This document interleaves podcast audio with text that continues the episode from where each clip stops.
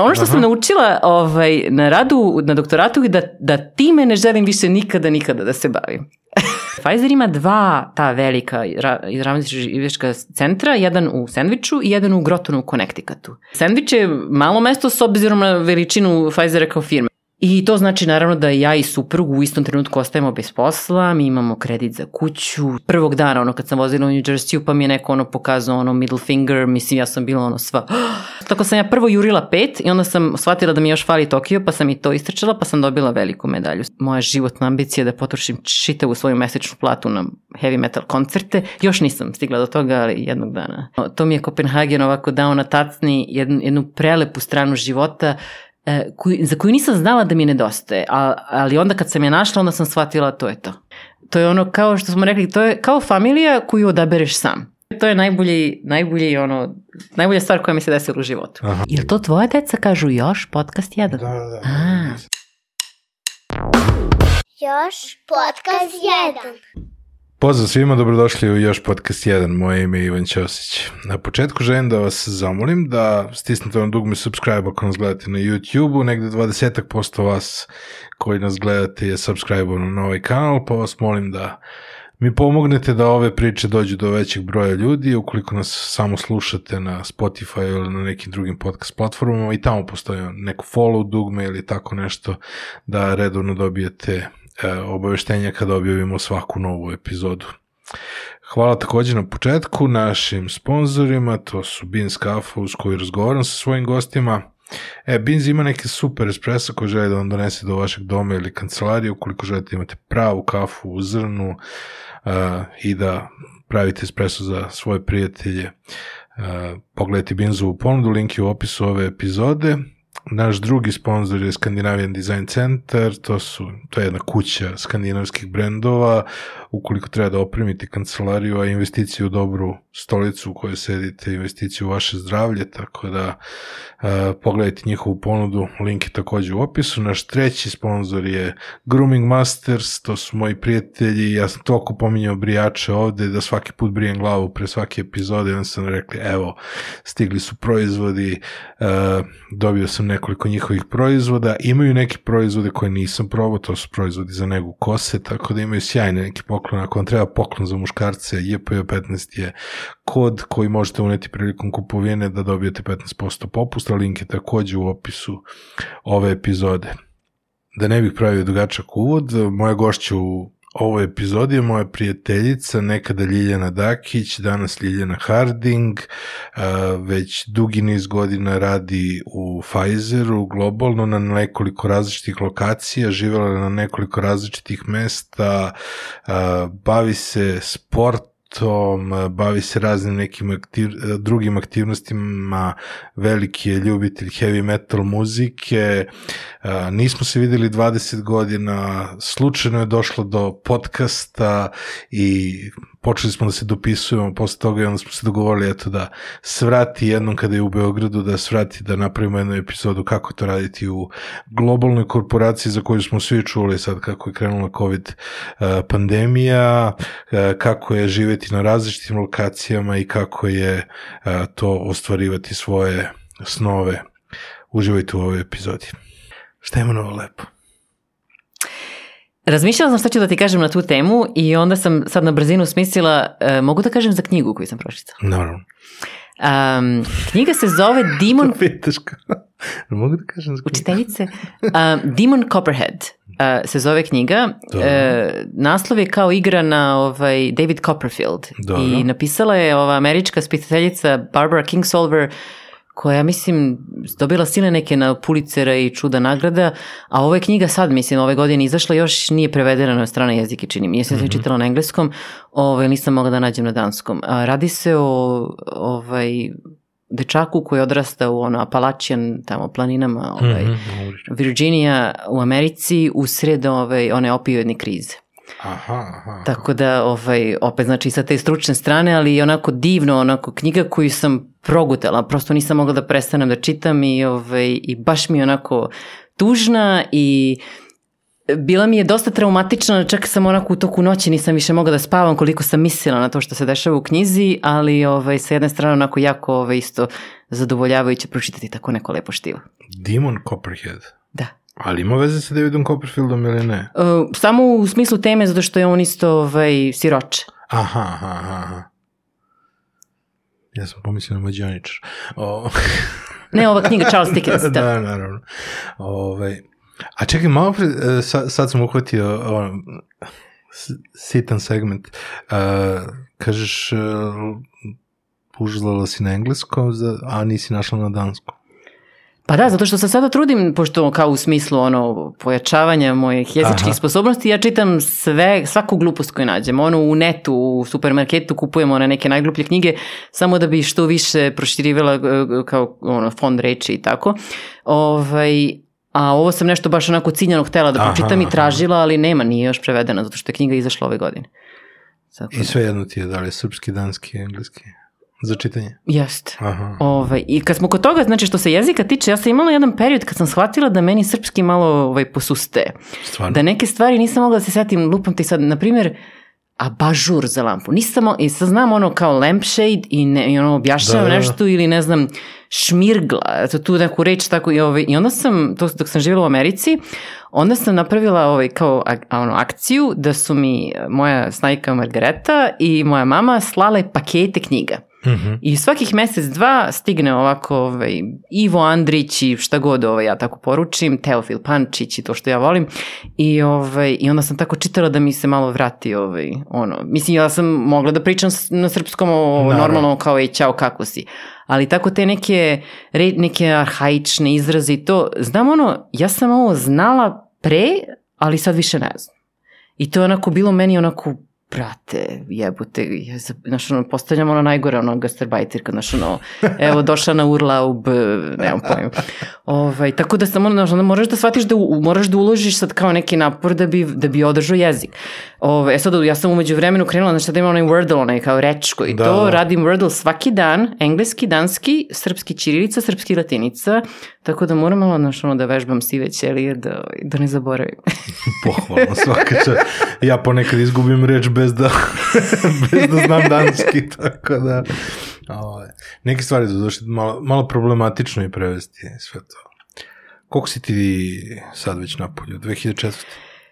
U januaru 20 godina. čoveče. Priki malo više od toga se nismo videli. Pa otprilike, pa da. da.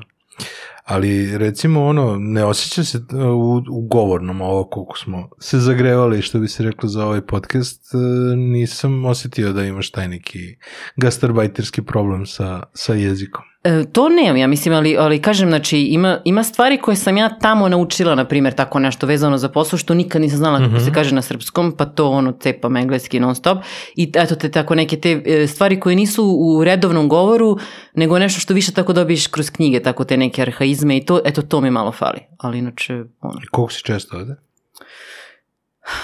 Sada dva puta godišnje. Ja sam imala jedan period dok sam živjela u Americi da sam bila nenormalna pa sam dolazila po šest puta godišnje jer onda nekako ti te Aha. ono, distance postanu relativne. I onda kao kad sam već ono prešla Atlantik, došla na poslovni put u London, šta mi teško da, da skoknem.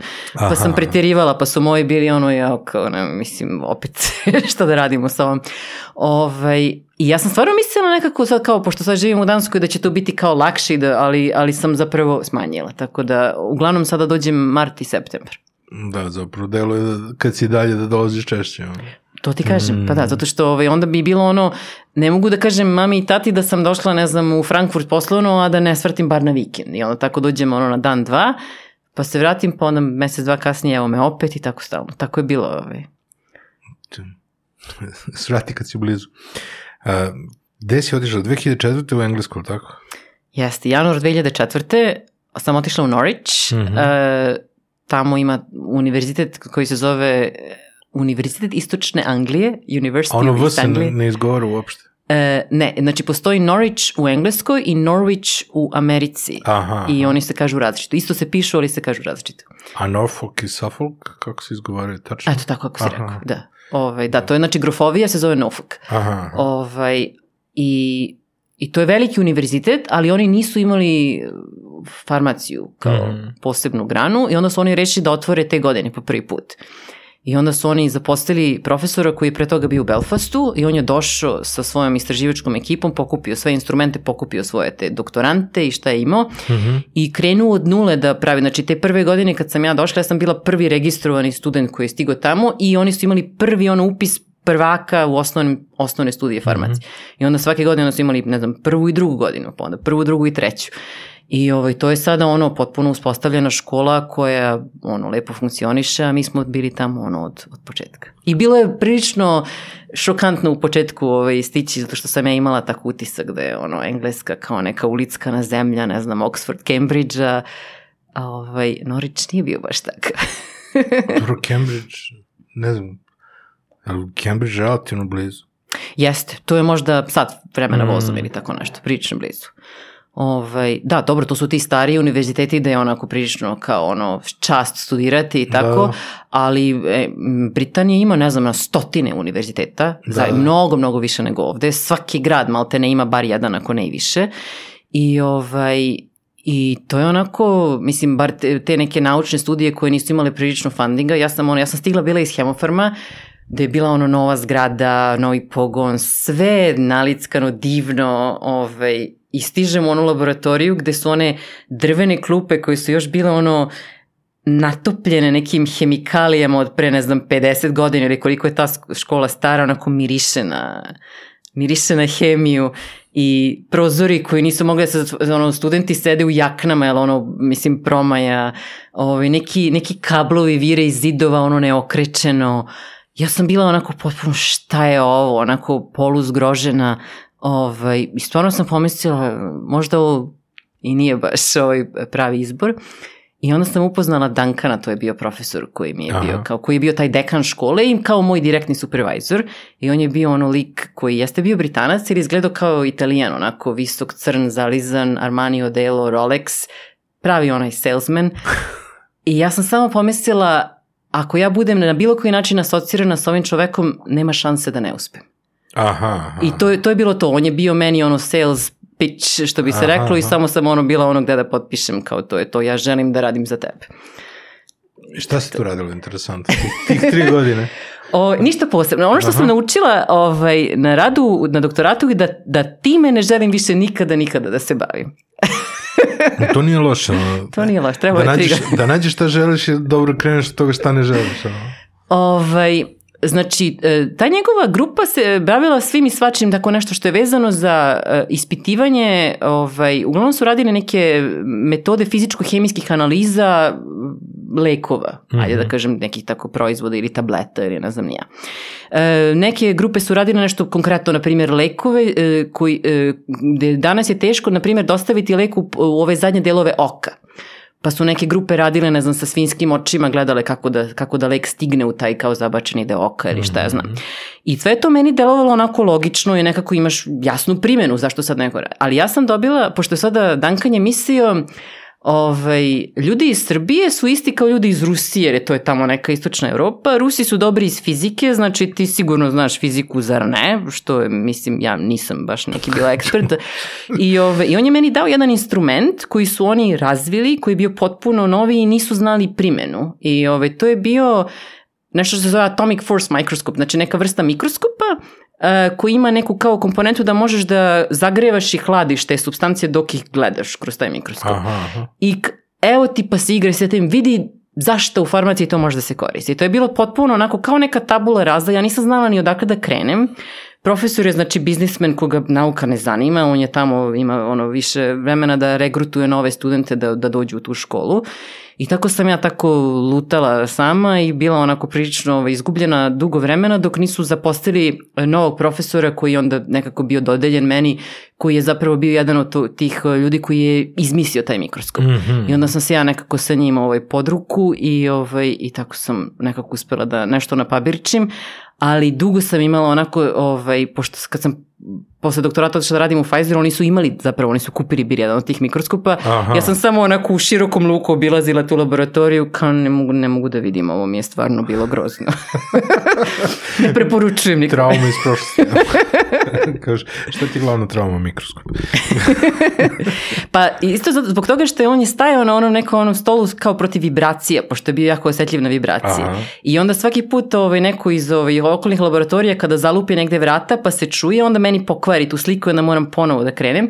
I onda sam ja dugo posle toga bilo gde negde ili kod kuće i to čujem negde nešto se zalupi, ja se ono tre, jao kao moj snimak Oh. i onda se setim kao ne, kao... Ne snimaš ništa. Tako da, eto, ja sam bila istraumiran. Ali opet, kažem, bilo je, bilo je super iskustvo zato što je bilo onako, ovaj, kao nekako drugari, onako kao, kao društvanjce, um, grupice ljudi, mi smo bili svi onako ko braća i sestre, eto u tom smislu je bilo dobro. A što se nauke tiče, no thanks, nisam ti ja neki naučnik. Pa dobro, zav- si završila tamo doktorat? Jesam, jesam, Da. završila sam, le- mislim, ja sam, ja sam to nešto ono, jako, ovaj, jako brzo, ovaj, ja sam za dve i po godine to sve napisala i, i ovaj, predala i tako u tom smislu sam ja to sve ono štriklirala, objavila naučne rade, sve što treba. Ali me ne zanima to. Nisam, nisam ti ja zato. Ja sam jedva čekala da se vratim Utici u korporaciju. promene na atomski mikroskop. Otprilike. Doktorat. Pa da, ovaj, što je rekao jedan taj, ovaj, mi, smo, mi smo delili tu zgradu sa hemičarima, znači bila kao hemija i farmacija. Ovi hemičari su nas uvek gledali kao da su mi neki polunaučnici, jer farmacija je površna, to nije prava, ona fundamentalna nauka. Aha. I taj jedan kolega koji je bio u tom pravom naučnom hemijskom delu, on je samo rekao you cool things, you heat things up and cool them down. Aha, aha. Ti samo nešto tamo gledaš i greješ i kladiš, kao šta to ima, mislim. Šta tu ima od nauke, da? Ovaj, ali eto, da, dadoše mi tu titulu i kao ajde briši, nemoj više da te vidimo, nemoj da prilaziš akademskoj ustanovi više i idi u korporaciju. Dobro, verujem da 15 godina kasnije bi oni verovatno radije bili u korporacijama. oni koji nisu, koji su ostali u nauci. Pa da mi ne mislim da to individualno, to, to ko, ko- šta kome više prija. Mislim, nekome prija ta širina, ovaj, meni je čitav taj koncept, mislim, pogotovo na zapadu, gde si ti um, stalno nekako primoran da pišeš te neke grantove, da nekoga ubadiš da ti dano neki novac i da onda opet, znači, za godinu, dve dana ponovo taj ciklus nekako, ovaj, to i imaš taj veliku komponentu tog teachinga, da ti moraš da se baviš i tim nekim prosvetnim radom, ja apsolutno sebe nisam videla u tome. Ja sam jedva čekala da pobegnem. Ja sam samo bila ono, ovo je, ovo je meni bila ulaznica za zapadnu Evropu i eto kao dobila sam kao nešto na papiru da ja sad imam kao neko obrazovanje iz to nekog kao ovaj, dela sveta i to je sve što meni, ja sam samo gledala da, da to više ne bude moj život. Koliko je od tih znanja posle bilo preneto na inicijalnu ulaznicu za Pfizer? Skoro ništa. Ovaj, osim, uh, ajde da kažem to nešto kao eto da si, da, da kažem da si sam na svetu, to, to, neko samostalno razmišljanje. E, to nešto da sad imaš neki problem koji ti je predstavljen i sada da, da nema knjige, skripte, učitelja koji će da ti kaže "E, sad ovo ovako, nego da ti sad moraš nekako sam. Eto, to je nešto što se ono kaže te neke prenosive veštine koje sam ja donala sa sobom i to jeste nešto što da- daje neku a, kako da kažem, samopouzdanje, ajde, ovaj, tu, tu neku kao e, e, osjećaj neke mirnoće da kao mogu ja to, kao jednom sam eto uspela, pa kao smislit ću nešto. Ove, a konkretno što se tiče ovog tehničkog dela, to mislim, to vrtenja dugmića na mikroskopu, mislim, apsolutno, ja, znači ja, ja ne znam zapravo što su oni meni dali posao. Mislim, ja sam tamo kad sam otišla na intervju, ja sam njima rekla, vi mene intervjuišete za formulator, ja to nikad nisam radila, Jeste vi sigurni da ovaj, želite meni da date posao, ali eto. To je bilo odmah tu relativno blizu u Kentu. Pa da, to je bilo ovaj, pet sati vozom zapravo, Aha. ovaj, zato što ovaj, moj tadašnji suprug, ja sam već se tamo sam se bila ovaj, udala, on je već radio, znači u to vreme u Pfizeru, on je prvi otišao i onda smo imali ono kao ovaj, vezu na daljinu, tako da sam ja svakog vikenda putovala za taj isti sandwich Kent i tako Aha, da znam da je to bilo pet eh, sati vozom preko Londona, ovaj, da, ali onda eto, više nisam morala da putujem, nego sam zapravo full time živala u sandviču. A kako to izgledalo? Posle Norvića?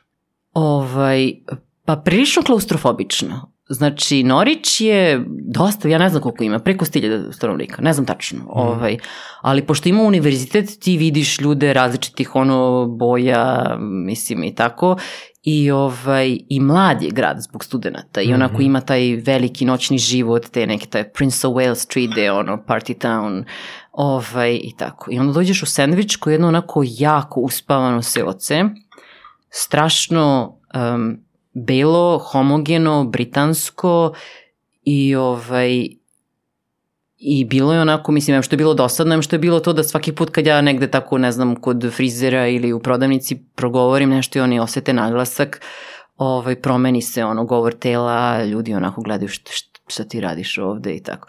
Tako da u tom smislu je ovaj, bio veliki šok za sistem. Ovaj, otići iz ono, univerzitetskog centra u Small Britannia. Da, da. Da.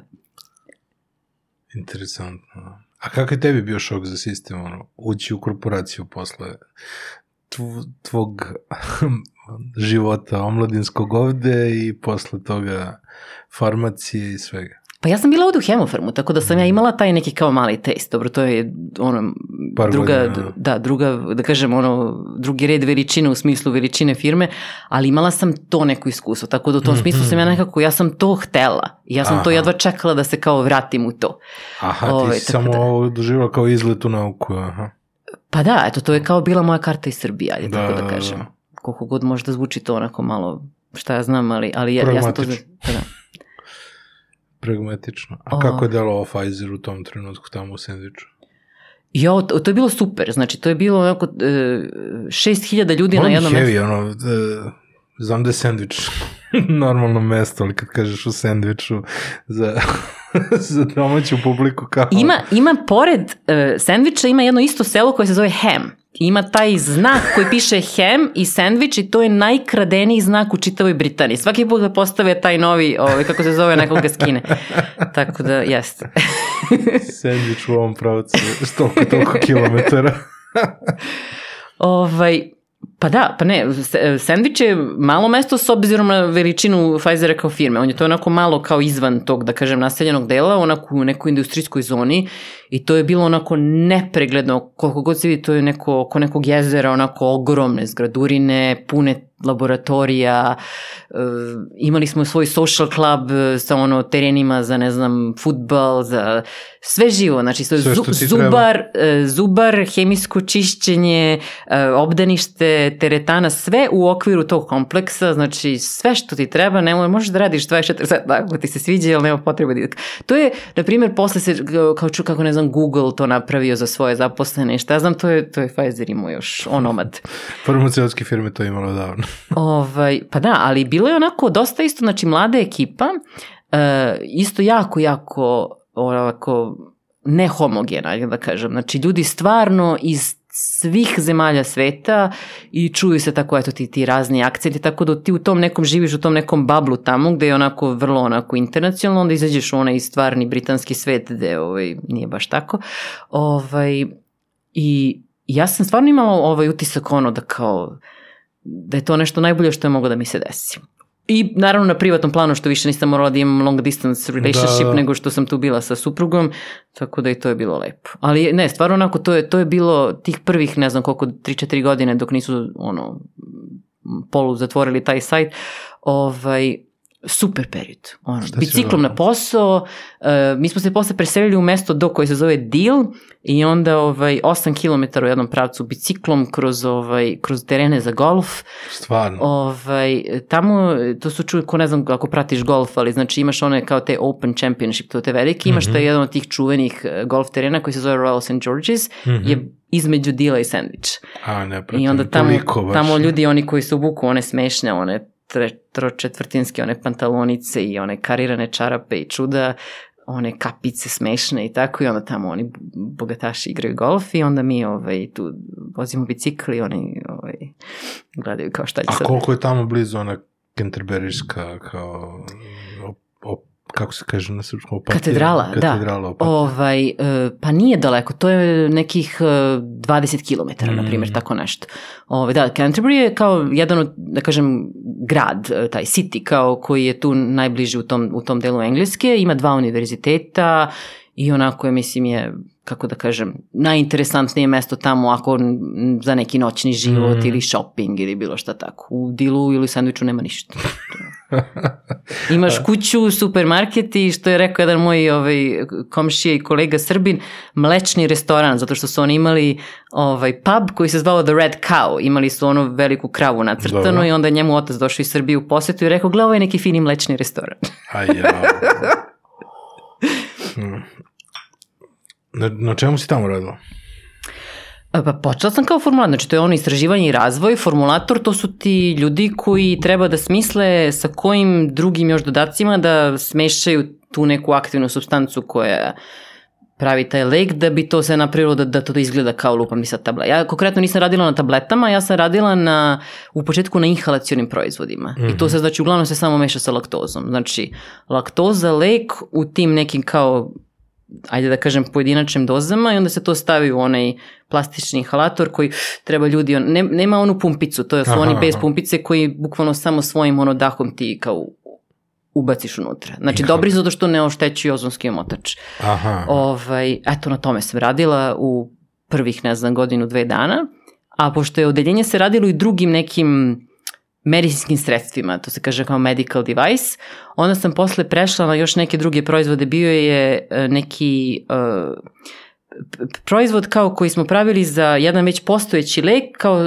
kao ono čisto tako eto da bude kao za, za neke e, pacijente u Francuskoj, pa su napravili kao verziju tog proizvoda koji imalo neku posebnu kao infuzionu kesu sa nekim posebnim kao trikovima tu kako da znači taj lek izađe iz te infuzione kese i onda sam radila na nekim onim pen injektorima kao za insulin, eto takve neke stvari. Tako da uglavnom, znači to su više bili tu više nisam radila kao formulator, nego više kao neki, da kažem, project manager, neko ko uh, upravlja čitavim tim procesom razvoja i povezuje ljude, znači, ajde, ti radiš eh, hemijske analize, ti radiš, ne znam, ono, za regulativu, ti radiš nešto tako tu drugo, a, a ja sam bila kao taj neki kao čovek koji je kao konektor i koji kao Mhm, mhm. se trudi da, da se sve to odigra tada kada treba. I kako ti saznaješ da će to da se gasi i da ta cijela priča... Ovaj, pa saznajem prilično onako putem šoka, znači ovaj, čulo se da je, da je kriza i, i već godinu, dve pre toga je, na primjer, bilo ono kod puštanja nekde otprilike od 10%. To je E, tri godine posle svetske ekonomske krize. Tako? tako. Aha. I, ovaj, I onda uvek pomisliš, pa dobro, nisam ja ono kao tu najgora u firmi, ako otpuste i do njih 10% ovih naj, najgorih performera, što bi se reklo, Mhm. Ja ću biti ono, ok, nemam šta da brinem, dok ja god dobro radim svoj posao, super. I onda je došao taj dan, znači 1. februar 2011. godine, neću nikada da zaboravim. E, mi smo sedeli u nekoj velikoj sali za sastanke sa e, firmom iz Indije koja je došla e, kao da napravimo neku kolaboraciju. Oni su tek stigli iz Indije, još je bilo neki problema da dobiju vizu, oni su bili jako srećni što su konačno tu i tek je počeo taj sastanak. I samo se čulo ono preko onih e, kao spikera oglašivača, svi u, kao u kantinu u 15 do 1 imamo to što se zove kao town hall, to je kao taj veliki Aha. sastanak kada oni pozovu sve zaposlene na sajtu da im nešto saopšte. I, ovaj, I videli smo kako stižu automobili sa onim zatamljenim staklima u, u krug firme i ovaj, još te neke kolege su se kao zezale i sve su ovako pokazivali. I ovaj, ja sam pomislila, pa nema šans, pa nije valjda. I onda smo čuli, pošto im, e, Pfizer ima dva ta velika ra, ravnotiživješka centra, jedan u Sandviču i jedan u Grotonu u Connecticutu. Mi smo čuli da taj sajt u Connecticutu ima njihov um, taj town hall 15 minuta kasnije. Znači u, u jedan po sandvič vremenu, da kažem. I to ti je već znak onako loš, ali znači ako oni nama žele da saopšte nešto pre, to Mhm. znači da, da je vest za nas loša. Aha. Zato mi moramo tu našu lošu vest da čujemo prvi. I, ovaj, I onda smo ovaj, posedeli, onako, oni su tu poređali te stolice u toj ogromnoj kao kantini i bilo je onako ljudi gore kao na nekim ono, balkonima, onako svi su se tu sjatili i ja sam bila u maltene u prvim redovima i taj čovek koji je bio na čelu te čitave Pfizer uh, R&D organizacije se popeo na binu i ja pogledam i njemu se tresu ruke. I, naš, mislim, nije ni njemu lako sad on treba svima da kaže ono i on je rekao mi smo rešili da zatvorimo ovaj sajt i samo je bio onako tajac. I to znači naravno da ja i suprug u istom trenutku ostajemo bez posla, mi imamo kredit za kuću, šta kako i samo su nam rekli idite kući, ne morate da radite više do kraja dana, pa ovaj, kako se zove, sutra nastavak. I, ovaj, I svi su bili onako kao u nekoj Šta magli. znači nastavak? Koliko to, za koje vreme oni to gase i koji E, pa to je, znači, period onda- te neke aklimati...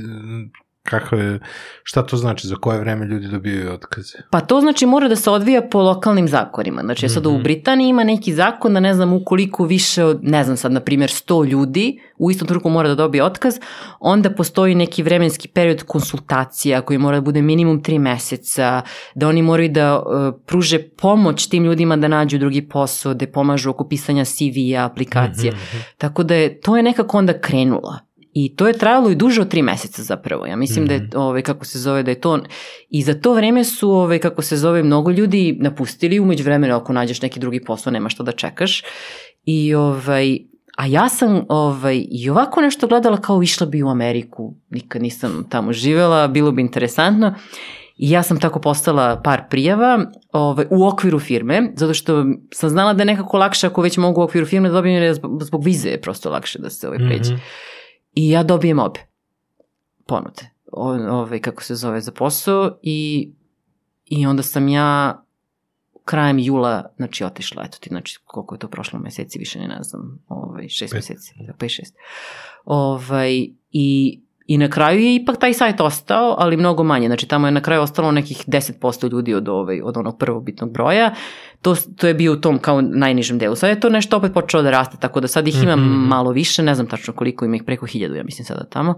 Ali ovaj, ali mnogo ljudi je otišlo, mnogo ljudi je potpuno prestalo se baviti tim, počelo da radi neke instruktori joge, učitelji u srednjim školama, šta god su znali i umeli, zato što je bilo drž ne daj, zato što je, kad si ti u malom mestu, Mm. gde jako puno ljudi traži posao, prosto nema, tako da su ljudi morali da se ono rekvalifikuju i da nađu nešto drugo ukoliko žele da ostane tu, a koliko ne žele da se sele za London ili severni deo Engleske, što je opet veliki problem Da. da preseliš porodicu i da nađeš posao za supruga, suprugu. Problem je kad ljudi treba da krenu sve iz početka. Znači, ono, znaš, mi smo ovde došli 99. i onda, znaš, taman si se konsolidovao posle 20 godina. Znači, onda kad tako, znaš, čuješ da neko se seli, da pravi neki novi plan, kao ja, posle 20 godina, kao treba, da li treba početi negde iz početka i ostalo, baš je zeznuta priča. Jeste. A vama je bilo okej. Okay. Pa kaže, mi smo hteli, ja sam nešto slala i one kao prijave za onaj green card lottery, Aha. ovaj, godinu, dve pre toga, pšt, ono kao ako se desi, tako da ja u principu sam već bila onako otvorena za tu ideju da se ide u Ameriku. Ja nisam Aha. znala šta Amerika znači, meni je to tako bilo kao idemo u avanturu. Da vidim. I, pa da. I onda ovaj, kad sam dobila, eto tu, kad sam potpisala za tu ponudu za New Jersey, onda, onda je to krenulo, ovaj, znači moj suprug je morao da da otkaz, znači on je došao tamo bez posla, znači on je bio ono što se kaže trailing spouse, znači sedeo kod kuće, radio ništa prvih devet meseci ili tako nešto. A on nije mogao unutar sistema da dobije. E, Pa nije, zato što je on hemičar, znači on je, ovaj, on, njemu, je- on je morao da nađe posao da ima laboratoriju koju može da radi, a Aha. to u New Jerseyu za, za Pfizer nema. Znači on je morao da nađe posao van toga, a to je Baš onda... tamo u Connecticutu. Pa da, ali ne, mislim, to je, da ja radim u New Jersey, on u Connecticutu, to bi bilo, mislim, nije, nije moguće, previše. Nije to baš tako, tako blizu kao ono malo pre. ovaj, I kako se zove, i da, i onda smo došli, ja sam došla prva, stavili su me u neki onaj corporate housing, što se kaže, ono namešteno sve, ono bukvalno stan koji ima sve ono i jesce i ono dasku za seckanje, sve, sve, sve što treba. Samo sam stigla ono sa svojom odećom, a ovaj namešta i sve je putovalo preko ovaj, okeana brodom u kutijama i to je stiglo jedno 5-6 nedelja kasnije sa, sa mojim tadašnjim suprugom I, ovaj, I onda su oni meni pomogli da nađem taj stan, da iznajmim i sve su to sredili, znači odmah ono green card, znači smo se prijavili i to smo brzo, brzo smo jako dobili te Mhm. zelene karte i posle državljanstvo i sve živo. Ovaj, tako da nekako u tom smislu jes, jesu oni pomogli meni da nekako da se ja tamo ono uspostavim kao da kažem da ne znam, lupam ti, znaš, ono, kređeš u novu zemlju, znači nemaš bankovni račun, nemaš vozačku dozvolu, nemaš ništa, ono je sada sve, sve krećeš od nule. Ovaj, i, I daju ti tamo neke te konsultante, što bi se reklo, koji te tako vozikaju okolo dok još nemaš dozvolu da, da te ono, da te prijave, da dobiješ onaj social security number i sve živo. I, i onda polako staneš na svoje noge. Pa dobro, ali imala si već taj šok, ono, odlaska u Englesku. Verujem da je i taj, i taj most Srbija-Engleska isto bio šok za sistem.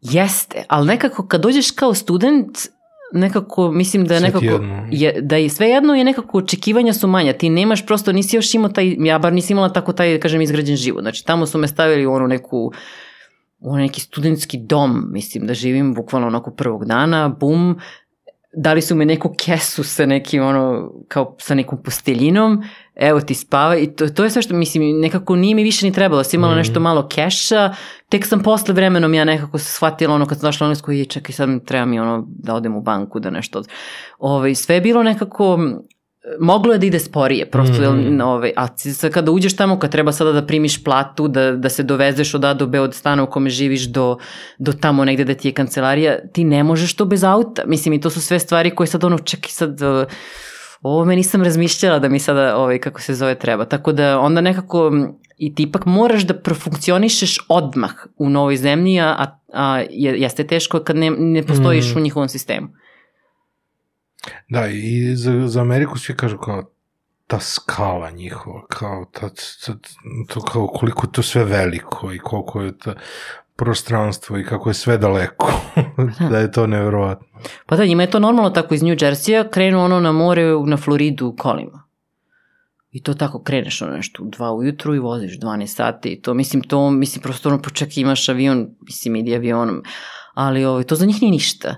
A, ovaj, a ja ono, znaš, došla iz Engleske da je sve to bilo nekako manje, mi ono kad Mhm. krenemo na put kolima koji duži sat i po, mi ono spakujemo sendviče i ćebad u kolima i termos sa čajem Mhm. za svaki slučaj. Ovaj, ja sam bila potpuno naviknuta na te distance i na sve to. Dobro, i kod nas ljudi putuju samo što...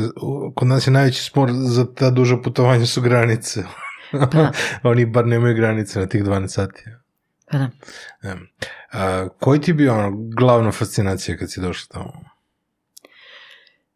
Pa prvo znači to što se tiče tih puteva, to ovaj, znači vožnja kolima, ovaj, prvo mislim uopšte, znači opet ti, znači ti imaš ono pet traka saobraćaja u jednom pravcu i pet u drugom, ovaj, nekako je baš je onako, mislim, strašno za nekoga ko stigne iz neke ono small town engleske da imaš ono sve jednosmerno neki ono mali gradić da smo mm. tu samo vozili nešto u krug i sada ovaj, stigneš ovde gde ovaj, isto, znači vozači su strašno agresivni, znači prvog dana ono kad sam vozila u New Jersey pa mi je neko ono pokazao ono middle finger, mislim ja sam bila ono sva ovaj, eto to, to, to je bio onako baš jako, jako veliki šok za mene. I ovaj, Druga stvar, ajde da kažem pozitivno, mogu da kažem nešto pozitivno ili samo negativno Americi, neću samo da pljujem Ameriku. Ovaj, kako se zove, stvarno su mi bili ovaj, jako prijateljski nastrojeni. I ljudi tamo uopšte nisu imali taj problem to kao sada sa što sam ja iz istočne Evrope. Tamo su ljudi iz Evrope. Mislim, oni uopšte ne prave tu razliku. Mhm. To je njima tako, eto, nešto egzotično. Moje ime ne znaju da izgovore, nisu znali ni Britanci, ali u Britaniji te onako gleda kao džil, džil, džil, a ovde ono kao how cute, eh, mislim nekako su bili um, više onako koristi- otvoreni. A, da, ali ne, za ne možeš koristiti Lilian. Mislim, Pa ja se sam tamo, e, uglavnom, znači oni kad kažu Lilijana, ja se odazovem, mislim, nije sada da ih nešto korigujem, ali pa da, mislim, ovaj, Lilian je ono... a, u Americi su me dosta zvali LJ, zato što im je tako lakše i onda tako ja i dalje, ne, da, zato što to, ja se potpisujem sa Lj, u, kad napišem email, ja se potpišem Lj i onda oni to kažu LJ. I A tako da, sam da, da. postala, ovaj, tako da to je moj nadimak. LJ. Ovaj, pa da, kažem, znači Amerikanci su, što se toga tiče, ono svi kažu kao, ne znam, zapanjaci, hladni, neće se druže. Ovaj, ja stvarno nisam imala taj utisak. Ja sam stvarno bila tamo toliko onako, ja sam njima ušla u kuće, ovaj, stvarno onako najdivnije prijateljstva sam, sam sklopila sa pravim ono lokalnim Amerima. I naravno Mhm. i sa ekspatima, pošto se ti uvek družiš i sa ono drugim ekspatima koji prosto dele tvoju priču. Ali ovaj, meni je ovo bilo onako baš nekako prijatno iznenađenje. Da li je to stvar čisto sreće što sam ja bila u tom nekom delu New Jersey-a da je to eto bilo moguće? Možda, ne znam kako je u drugim delovima, ali ja sam nekako baš imala onako, ovaj, što se toga tiče, eto i sreće i s, s, gde god sam nešto tako krenula, ovaj, lupam ti sad, ovaj, najviše trkački klub, ali imali smo i taj biciklistički, i moje plivanje i, ovaj, i tako svašta nešto, to su stvarno onako, i, i kolege na poslu koji su odma ono, evo Thanksgiving stiže, dođite kod nas kući, izvolite, mislim, mi, smo bili pozivani, e, kolega sa kojima sam ja dugo delila kancelariju, on je mene maltene usvojio, on je čovjek bio Mhm. ono 30 godina stariji od mene i ovaj, I ja sam sa njim provela sve te uh, nove godine, 4th of July, sve te američke praznike, prosto ono, evo, ti si sada deo moje familije. On je pokojni sada, moram da kažem, moj, moj divni Akber, ali ovaj, kako se zove, on je meni bio ono nešto najdivnije što sam tamo srela. A to ima veze sa uh, complexity, kako se kaže, sa, sa bojom kože ili uh, sa tim da ste relativno dobro govorili engleski i sve to, da li to ima veze na to ili e, sa tim ili to što je praktično Amerika država emigranata koji su došli pre ili kasnije. Ja mislim da je više ovo poslednje što si rekao. Znači, pazi, sigurno da ti ako tamo uđeš na neki drugi način, lupam mi sad da si došao ono preko granice iz Meksika i da sada nekako, da prosto nemaš te mogućnosti što se tiče i obrazovanja i posla i to, da je teže da si prihvaćen. Mm -hmm. Pretpostavljam, mislim, ili ne znam, ono, uvek kažu, znaš, ono da postoji ta neka getoizacija ovaj, kao crnačke Amerike i ovaj, ali tu gde sam ja živela bilo je prilično raznobojno i svi su bili braća i sestre. Eto, taj Akber o kome sam pričala, taj čovek koji mm -hmm. ono, čovjek je crnac. Mislim, ja sam bila deo njegove porodice. Mm -hmm. ovaj, znači, potpuno to, to nekako, stvarno nije bilo, nije bilo veze nikakve. Ovaj, kako se zove, ja mislim da je to mnogo veći problem u Evropi što se toga tiče, da, na primjer, pogotovo što se tiče veroispovesti, znači neko ko, je, ko pripada islamu, ima problem u Evropi da, da nađe, kako da kažem, ono, mora da, moraju da se drže jedni drugih prosto i onda se da. stvara ta getoizacija jer nisu prihvaćeni drugde. Eto.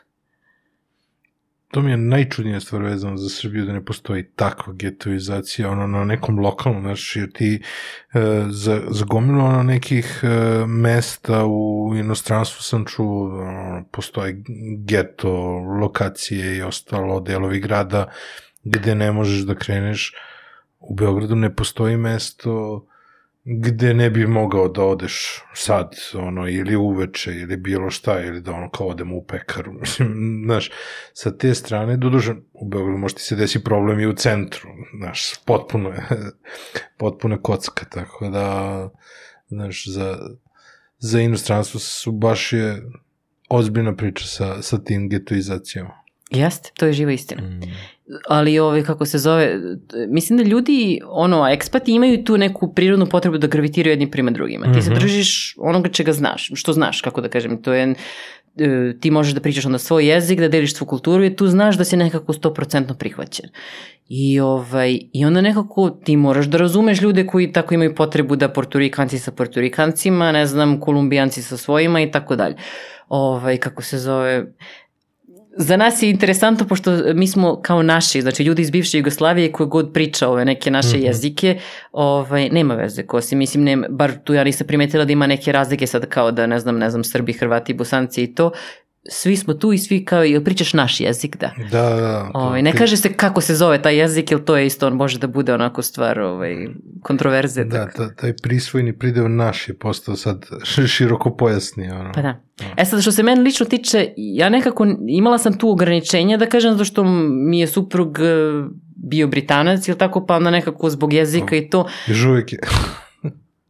Pa on jeste, ali nije mi više suprug, pa da, jeste, ja, da. tačno. bio britanac. ovaj, jeste i dalje britanac, ali, ali da, onda on ne priča, onda nekako sam ja tu... E, možda je to sreća ili nesreća, ali zbog toga ja nisam mogla skroz da gravitiram sada pa da se samo držim našeg sveta aha, tamo, aha. nego sam prosto bila onda nekako gurnuta u to da, ovaj, da tražimo onako šire. Da, multikulturalno neku priču. I tako, imala sam, na primjer, ja sam bila tamo deo tog nekog sailing tima, imali smo one sailing races, ono, ove jedrilice na, ove, mm -hmm. na mhm. vodi tamo u Perth Amboy, ovaj, i moj tim su bili sve portorikanci i irci, mm -hmm. sve muškarci i ja iz Srbije. I to je bilo nešto najdivnije na svetu, ovaj, kako se zove. Eto, ne znam kako sam što tamo upala, ali... Da. Da, dopunimo kafu. Dopunili smo, idemo dalje. A, kakav bi taj osjećaj u Jersey? Koliko je bio drugačiji Pfizer? Je li bio drugačiji? Jeste. ovaj, kancelarije su bile potpuno drugi fili. Znači, prvo to nije istraživanje i razvoj. Mm -hmm. to su bile neke tako kancelarija opšteg tipa. Veliki je dosta bio sad, mislim, negde oko hiljadu ljudi u tom, a, ovaj, to, taj, to mesto se zove PPAC uh, u New Jersey da sam ja bila. Uh, imaš ljude iz tog što se zove kao proizvodnja i dostava lekova ili global supply, ali imaš i, ne znam, pravnu službu i 300 nekih čuda drugih. Ovaj, I ljudi su bili uglavnom svi, na primjer, od 50 godina pa naviše. Mhm. Uglavnom su ono konverzacije oko ručka bile koliko si uštedeo za ovaj penziju i koliko još imaš da ovaj i tako i koliko ono si uštedeo da ti da pošalješ decu na koledž. Ovaj to je bila ogromna razlika u odnosu na ono 20-godišnjake pravo sa univerziteta koji su radili u laboratoriji u sendviču. Aha. Ja sam bila mnogo mlađa od svojih kolega iz svog odeljenja i ovaj i nisam imala u tom smislu utisak da sam se dobro uklopila. Um, druga stvar, ja sam imala onaj survivor guilt, što bi se reklo. Ja sam bila jedina iz sendviča koja je stigla u taj konkretno sajt u New Jersey. Aha, aha. I znala sam koliko je strašno pametnih, izuzetnih ljudi dobilo otkaz i koji više nisu bili deo te firme. I ja sada ovde gledam Mhm. u Americi, pošto Amerika nije bila zahvaćena tim, to je, ovo je bilo konkretno e, zatvaranje tog sajta u, samo u Engleskoj. Mhm. Ljudi koji nisu ni izbliza tu po svojim mogućnostima, znanjem, intelektom, koji dalje sede tu i zarađuju platu.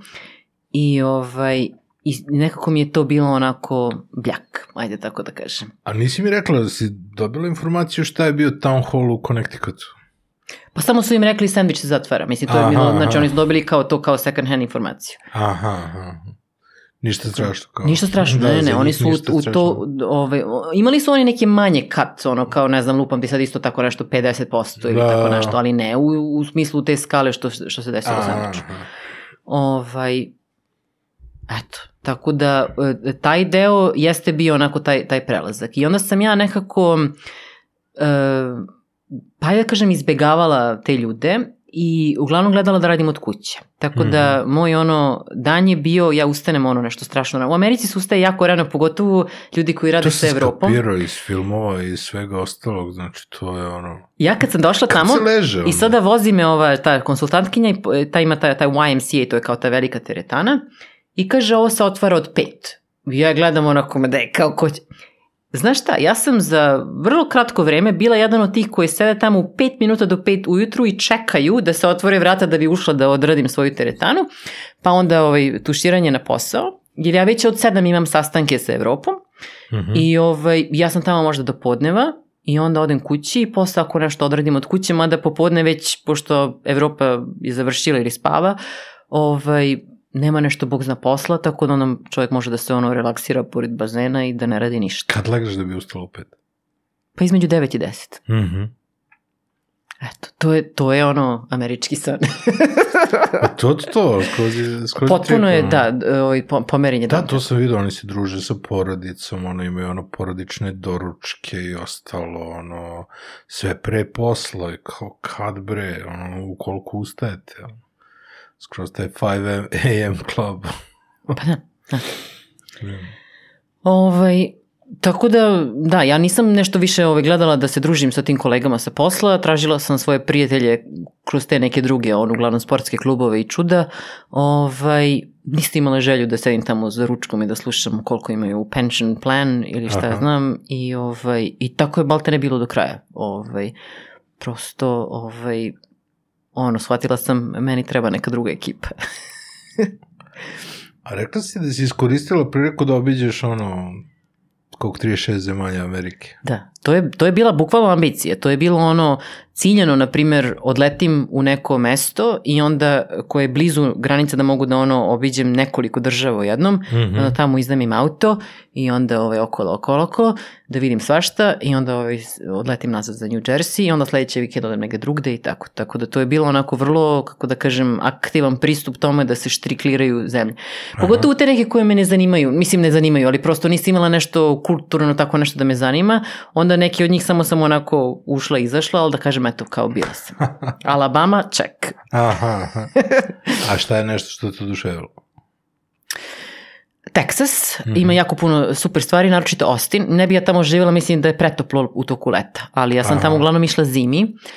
Dallas je super i Houston nije loš, tako da ima onako baš ovaj, uh, Texas ima tu neku reputaciju da su malo onako, kako da kažem, ti kauboji, da su, ne znam, je, ali uh, pogotovo Austin ima, znači oni kažu keep Austin weird, kao oni imaju to kao zato što su posebni i dosta ima toga nekog kao um, da kažem liberalnog stava tamo i mnogo su onako nekako uh, ne teksašani u Teksasu. Aha, aha.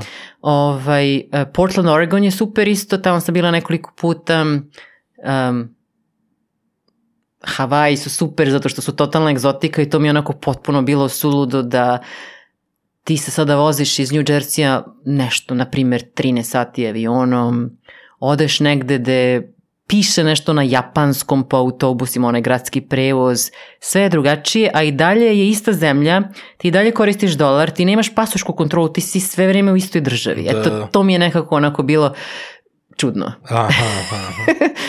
u nekom kao eto dobrom smislu. I tako, tako svašta ima tamo po istočno obalište. Mislim, Boston je super isto.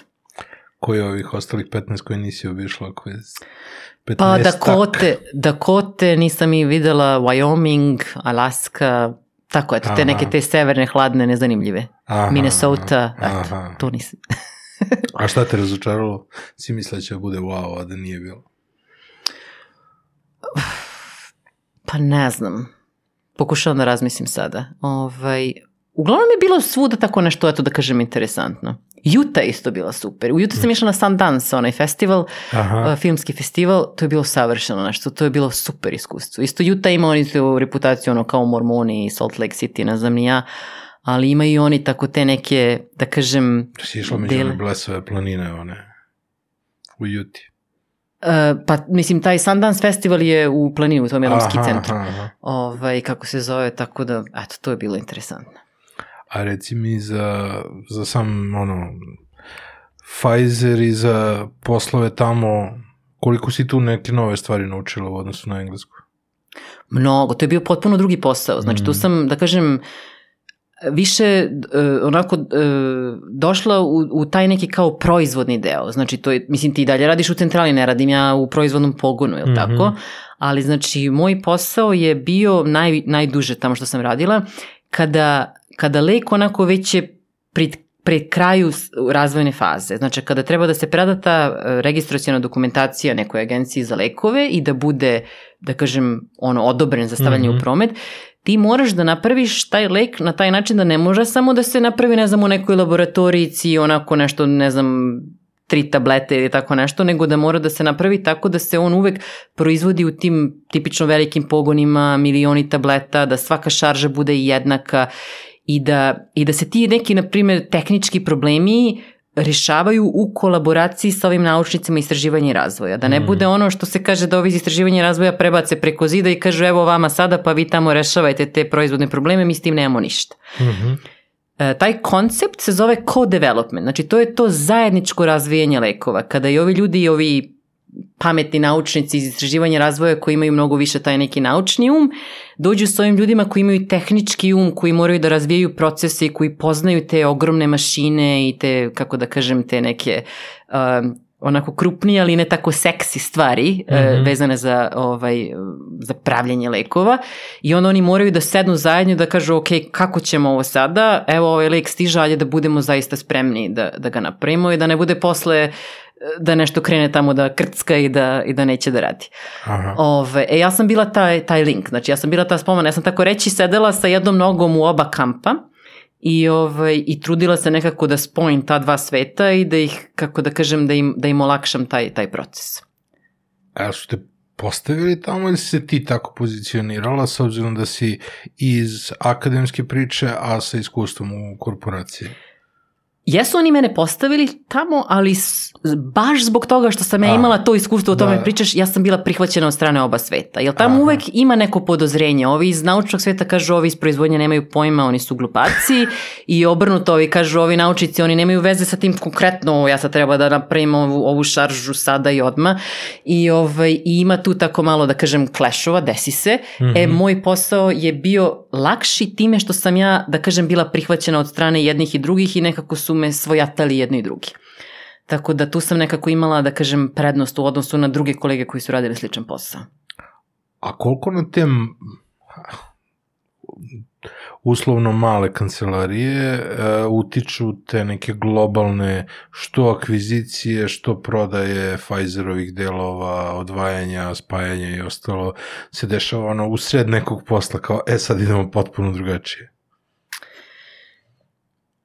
Pa znaš kako, e, bud, ne bude to nešto tako baš dramatično, ali, ali desi se da bude promena. Ajde da kažem ovako, znači, uglavnom, znači kada velika firma proguta manju firmu, onda ta mala firma mora da se prilagodi, jel tako? Nekako postano ona mora da, evo konkretno u slučaju Pfizer, ako Pfizer kupi neku malu firmu, onda ta firma mora da uđe u te, da prihvati sve te neke procedure, IT sisteme, lupam ti sada, znači sve to Mhm. kako se radi, sad mora tako. Ovaj, u slučaju da je nije to što se zove acquisition, nego je merger, znači kada dve velike kompanije se ovaj, nađu zajedno, e onda je mnogo veći posao, znači naći, ok, koji od sistema je bolji, koji prihvatamo i onda koja strana ostane na svome, a koja strana mora sada nešto potpuno novo. I to je, to jeste komplikovani, onda oni naprave čitav tim ljudi koji se bave tim integracijama, da to sve Mm. ide nekako, ovaj, što, je, što je onako glatkije moguće.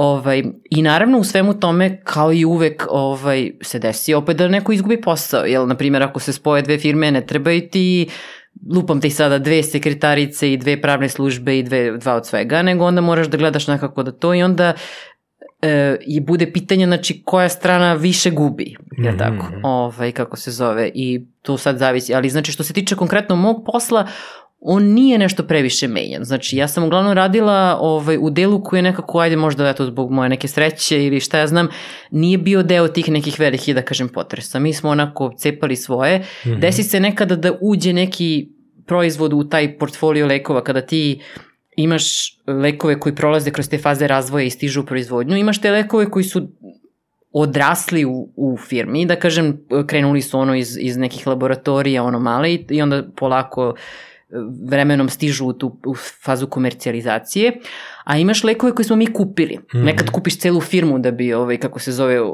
dobio lek, a nekada kupiš samo taj jedan aset, znači kupiš taj jedan molekulu druge firme i onda on uđe u Mhm. sistem.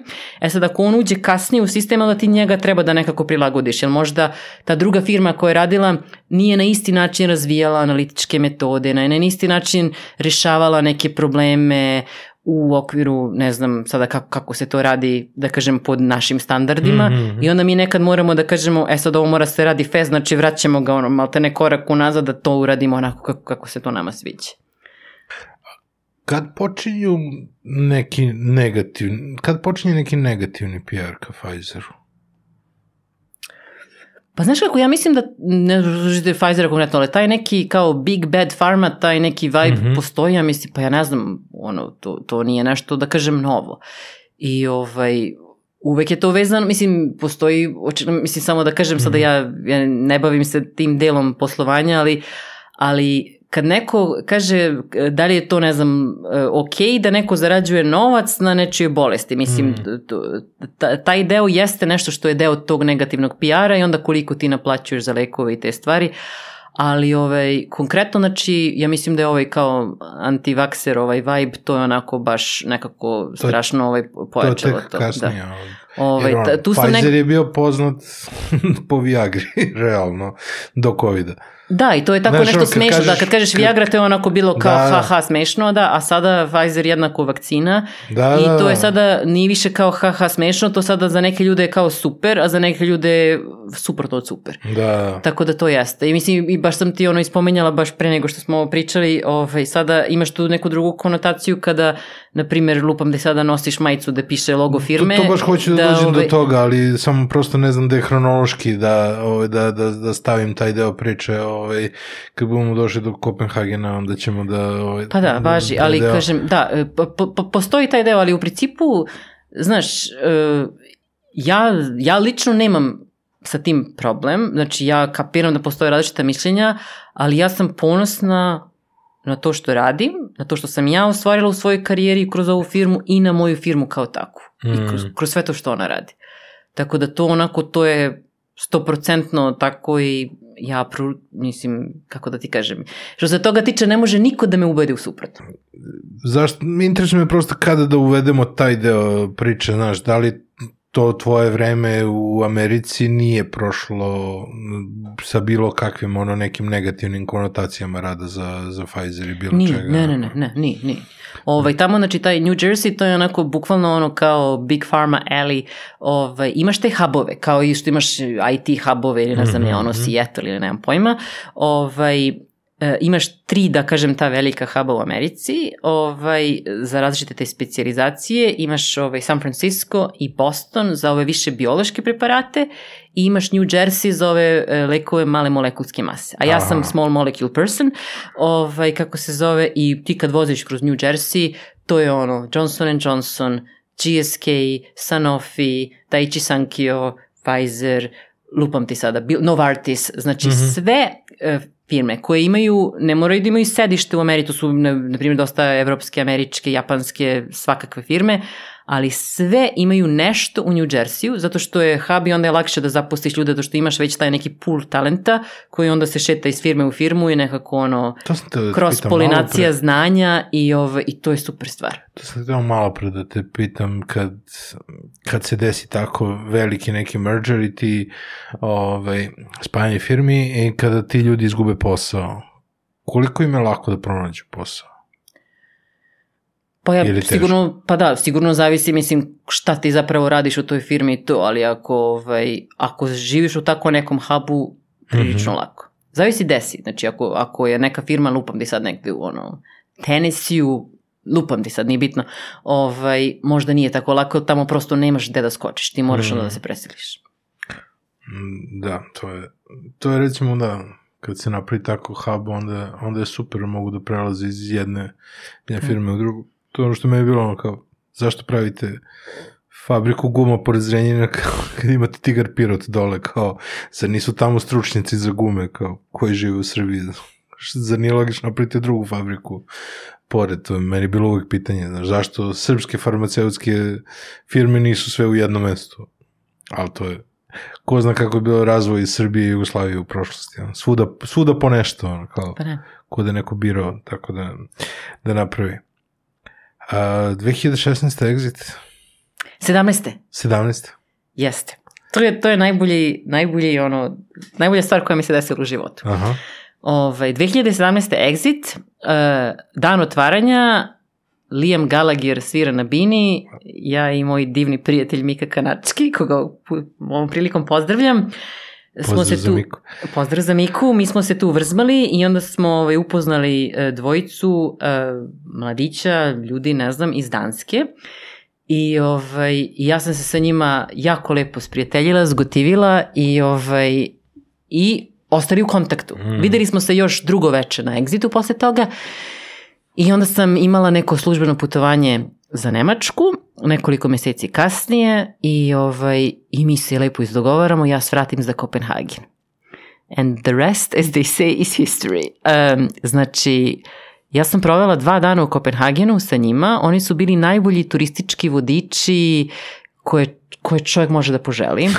ovaj, prvo oni su nekako ono moji ljudi što se kaže mislim vole sličnu muziku kao ja mislim svi su tako taj metal fazon ovaj, i oni su mene vodili na razna kon, na koncerte na, u barove u neke super restorane u uh, Louisiana to je znači čuvena ovaj, kao da kažem muzej neki kao ono ovaj, e, i izložbeni prostor na, na severu gore ovaj, iznad Kopenhagena i vreme je bilo predivno, znači sunce je sijelo, mada je bilo ono kraj septembra, znači 2017. pre manje više tačno onako evo u ovo, u ovo doba godine i ovaj, ja sam došla nazad u New Jersey i rekla Marku, suprugu tadašnjem, idemo u Dansku.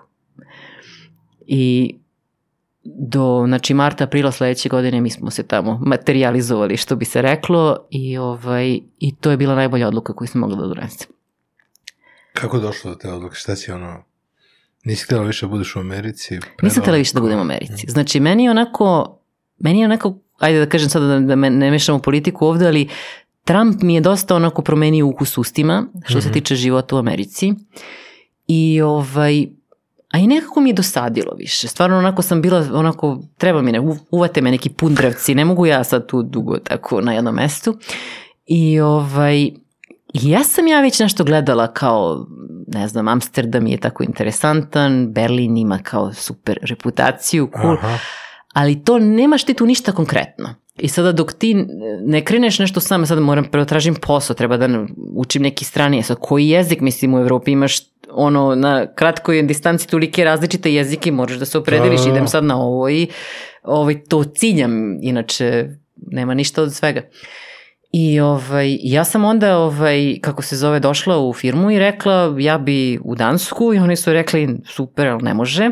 Ovaj, tebi je posao ovde, mi možemo da tebi obezbedimo da ti imaš tamo da provodiš, ne znam, par meseci godišnje, ako ti se sviđa ili tako Mhm, nešto, ali mhm. tvoj posao je vezan ovde za Ameriku. I, ovaj, I onda sam ja krenula da zivkam telefonom sve koje sam znala po, u okviru firme. Mhm. E, prijavila sam se i neke poslove van firme a, i išla sam na neki intervju, dobila sam čak i neke ponude van firme, ali ovaj, kad sam videla da, da mogu da ostanem, onda sam naravno ostala.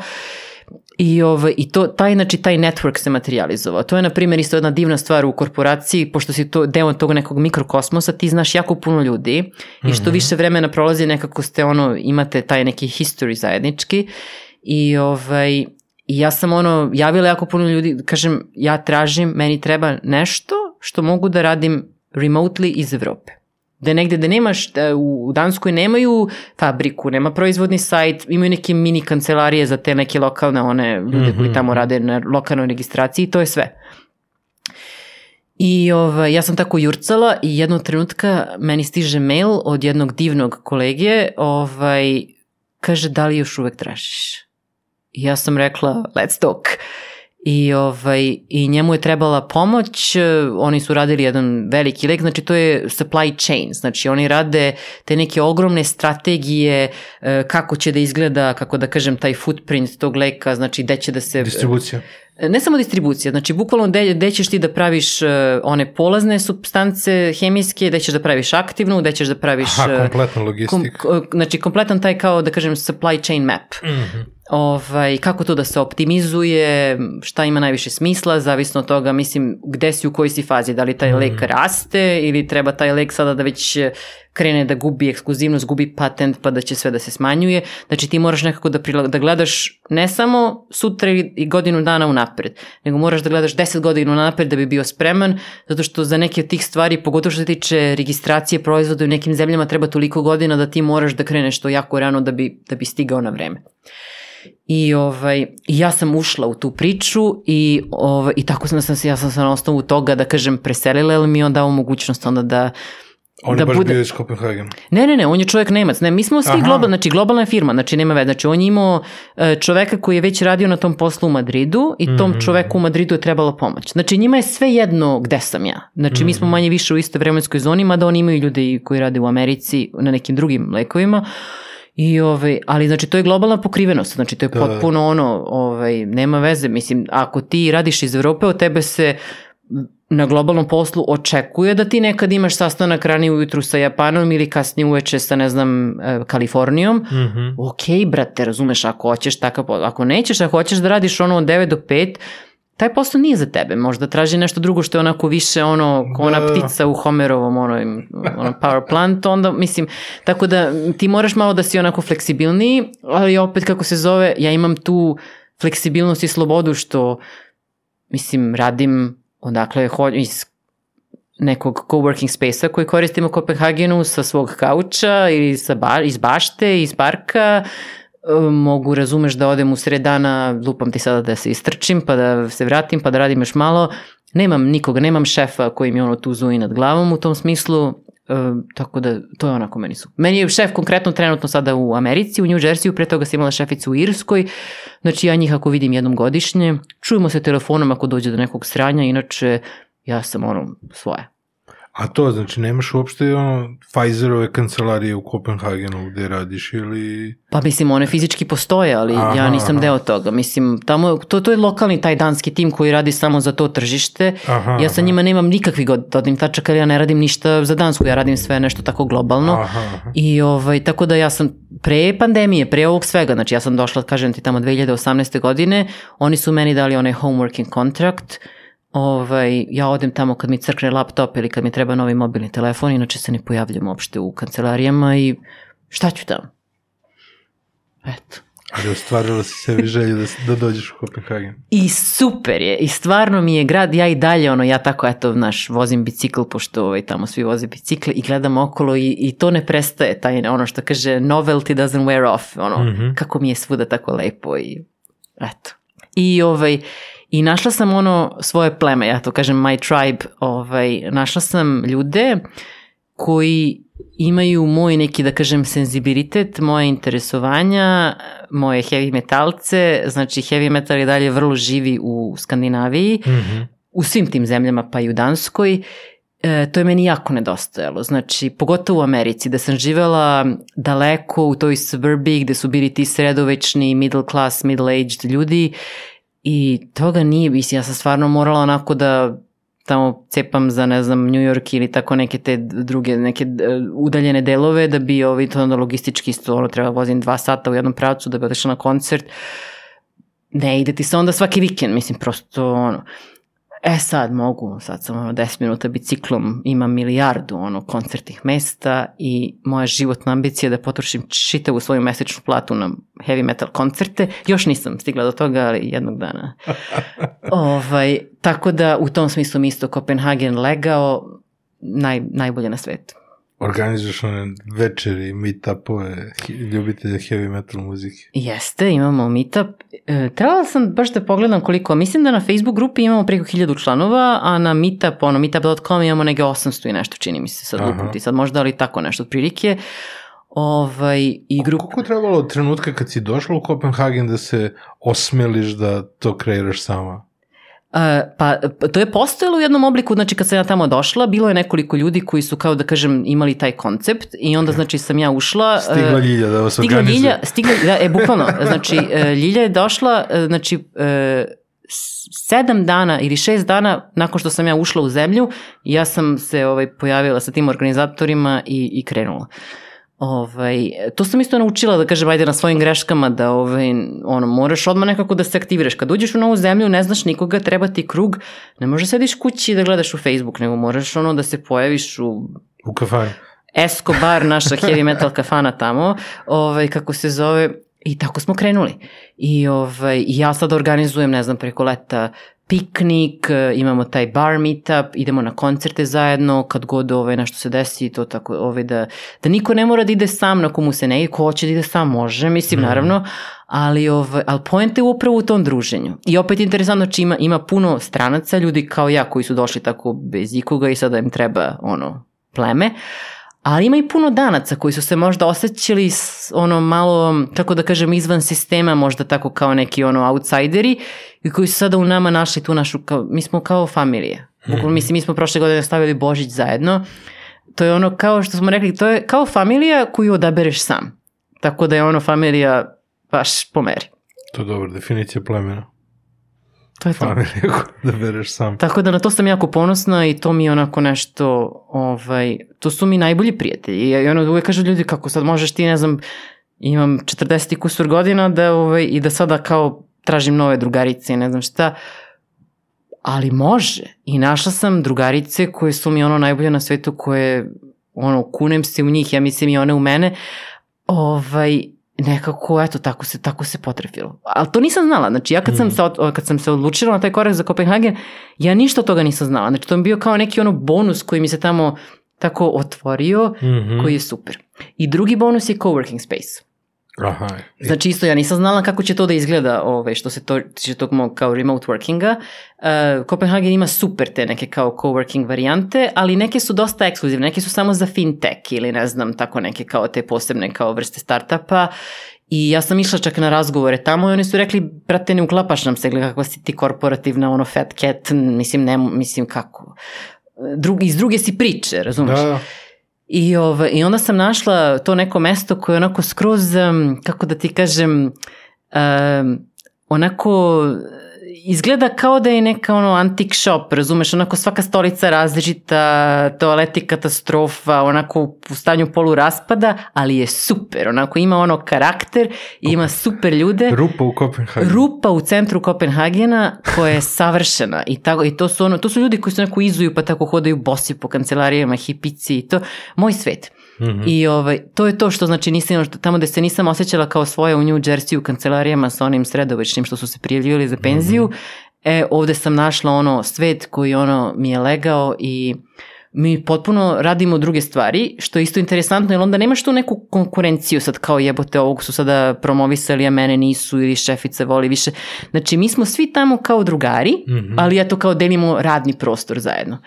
I Dobro, ovaj, ovo ima smisla, ovo što si mi malo prerekla za fintech i za ostale, postoje ti neki coworking prostori gde je i koncept da ti spojiš ljude koji su iz istog biznisa kako bi u nekoj budućnosti se, znaš, ono, neko spojio par nekih, ono, ljudi koji su, e, ja sad imam malo slobodnog vremena i ti imaš malo slobodnog vremena i on ima slobodnog vremena i nas troje u to slobodno vreme nešto iz zajedničkih oblasti napravimo nešto potpuno novo. To je, jeste koncept nekih uh, coworking prostora da spajaju ljudi iz iste oblasti da bi mogli da generišu nešto novo, znaš znaš.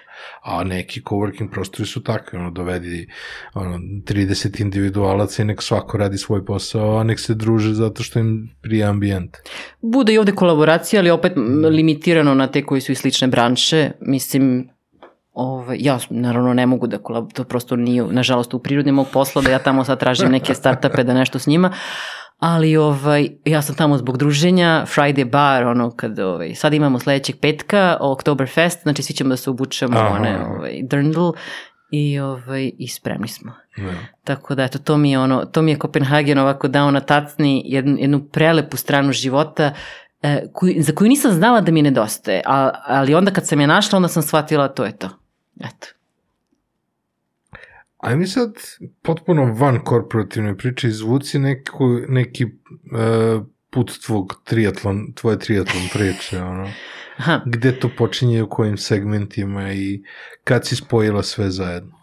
Ovaj, 2005. godine, mm -hmm. znači ja sam eto, godinu dana bila u Engleskoj, je mene tadašnji muž konačno naterao da izađem na trčim. On je pre toga već kao nešto bio u, u tom svetu maratona i ovaj, Ja, apsolutno. Znači, ja sam ono, fizičko vaspitanje nije bilo cool kad sam ja ovo išla u školu ovde, da se sećaš, ali dečaci su igrali, ne znam, tamo basket ili nešto, devojčice su sedane na klupi i ogovarale. Ovaj, mislim, stvarno, ništa ja od toga. Ja, mislim, ja nisam znala plivam kraul. Ja sam samo naučila prsno i leđino, mene nikad niko nije učio da plivam kraul. Znači, ništa od toga nisam ono imala. I to ono na moru. Da, i to ono da. na moru, ono 7 dana godišnje i ako bude to, lepo da, vreme, da, da. ako su talasi onda manje. Moja prijateljica sad ide na korektivno plivanje. Aha. To je da te trener posle 20 godina nauči kako pravilno da plivaš. Znaš? A, prilike sam to da morala ja. Ispravi, ono. To sam sve isto, pa da. Eto, znači, krenula sa, sa trčanjem, e, pet minuta sam uspela da spojim, dok me nije sve bolelo, znači tog prvog puta, ja sam ono bukvalno onako morala da sednem na, na pločnik, i da mhm. dignem nogi u vazduh i da ono vrištim od bolova. Imala sam one British Knights, one skaters patike, da. to sam, to sam imala, Teško. to su bile patike koje sam ja imala. Ovaj, i, I onda sam posle nekoliko meseci, to je bio april te godine, putovala kroz London za te moje long distance relationship, ta putovanja, mm -hmm. na dan maratona. Londonski maraton je jedan od tih najvećih svetskih maratona gde bude, ne znam, 30-40 hiljada trkača i tog popodneva sam se ja vraćala iz Kenta i videla ljude ogrnute onim folijama, ona kao ona, ona termalna ćebad, sa medaljama, pivski stomaci, matori, mladi, mršavi, debeli, visoki, niski. I ja sam pomislila, čoveč, kada ovi svi ljudi mogu da istrče, onda mogu i ja. I to je bilo potpuno onako ono, kao neki challenge, ono mislim, jedan put sam tako shvatila da ja sad to moram mm -hmm. i, ovaj, i odmah sam se naravno nadobudno prijavila i nisam dobila mesto jer je teško, mislim, dosta se ljudi prijavljuju i onda oni izvuku kao po principu lutrije kao ko, ko dobije. I tako da sam onda se prijavila da trčim Edinburgh u Škotskoj, to je kao ono, moja ono, utešna nagrada i krenula da treniram niš pojma nisam imala. Onda sam tako uzela čitam nešto kao ono po onim Runner's World magazine, kao kako sad to razumeš. I ovaj, I istrčala sam to jedva nekako, nisam mogla da hodam jedno nelju dana posle prvog maratona, sve bolelo katastrofa. Mislim, ono, kad spavaš na jednoj strani u krevetu i sad treba da se okreneš, ono, drugu stranu da je bilo ono... e, tako je bio posle prvog maratona. Samo sam sebi rekla, nikad više, ovo je, ovo je grozno, grozno nešto. I onda posle jedno deset dana kad je taj bol onako nestao, onako, mogu ja ovo bolje. Kažu da je adiktivno skroz. E, to je to. I onda ovaj, je moj tadašnji suprug rekao I created a monster. Mm -hmm. I onda je on manje više prestao. On je, pravo. jeste, on je, on je, uh, nije, mislim, nije više ni hteo, mislim, on je tu i tamo nešto malo trčao još sa mnom, ali prosto njega to više nije zanimalo. I onda se tako krenula sama. I, ovaj, I onda sam shvatila da je to nešto u čome ja zapravo nisam loša. Ja nikad sebe nisam videla kroz sport. Znači, ja apsolutno tu dimenziju nisam poznavala. I sada odjedan put vidim čoveče svaki put kada istrči maraton ja ono 10-15 minuta brža nego prošli put, ono stignem u nešto da sam ja ono u top 5% takmičara, mislim ko, ko bi rekao jebote, znaš ono, otkud ja, ovaj, mm. što je lepo i ovaj, kako se zove, ali jako adiktivno. I ovaj, to stiže sa nekim svojim postericama, da što onda kreneš jako sebe da ograničavaš, onda kreneš da se onako živiš onako ko ovaj, ono, neki monah u manastiru što se tiče ishrane i svega, što je malo sjebano. Ovaj, hvala Bogu to više ne radim, ali ovaj, ali sam bila došla tu, u tu fazu, onda sam krenula da jurim, imaš ono što se zove World Marathon Majors. E, posto, postojalo je pet kao tih velikih svetlih maratona, kada istrčiš svih pet, dobiješ jednu veliku medalju ovakvu, gde piše da si istrčao svih pet. E onda su oni, na tih pet je London, Berlin, Chicago, New York i Boston. E onda su oni dodali i Tokio. E onda je bilo šest. šest. šest da. I Znam onda, da je šest, znaš, kao sad, relativno skoro sam nešto čitao kao ima šest. Bilo znaš, je pet i onda da... je prosto prešlo, tako sam ja prvo jurila pet i onda sam shvatila da mi još fali Tokio, pa sam i to istrčala, pa sam dobila veliku medalju sa šest. Aha. Ovaj, I još ono, and then some, što bi rekli ove englezi, neke sam istražila više, mislim, ne znam, London, Boston po tri puta i tako dalje. I, ovaj, i onda sam uh, em što su godine, razumeš, i po, ja sam se nakupila raznoraznih povreda, ono svake sezone, prvo ono tri meseca fizioterapija da nešto što mi tu pukne i ne znam ni ja. I bukvalno sam imala tu krizu maratona da mi se tu, ono, jedne godine stojimo onako na startu. Imaš dobar i... pristup lekovima, mislim, za, ako te nešto boli. Pa dobro, ali ti, ti mislim da taj bol ne, to ti sprečava simptom, ali ne uzrok i da. ti dalje treba da istrčiš 42 km.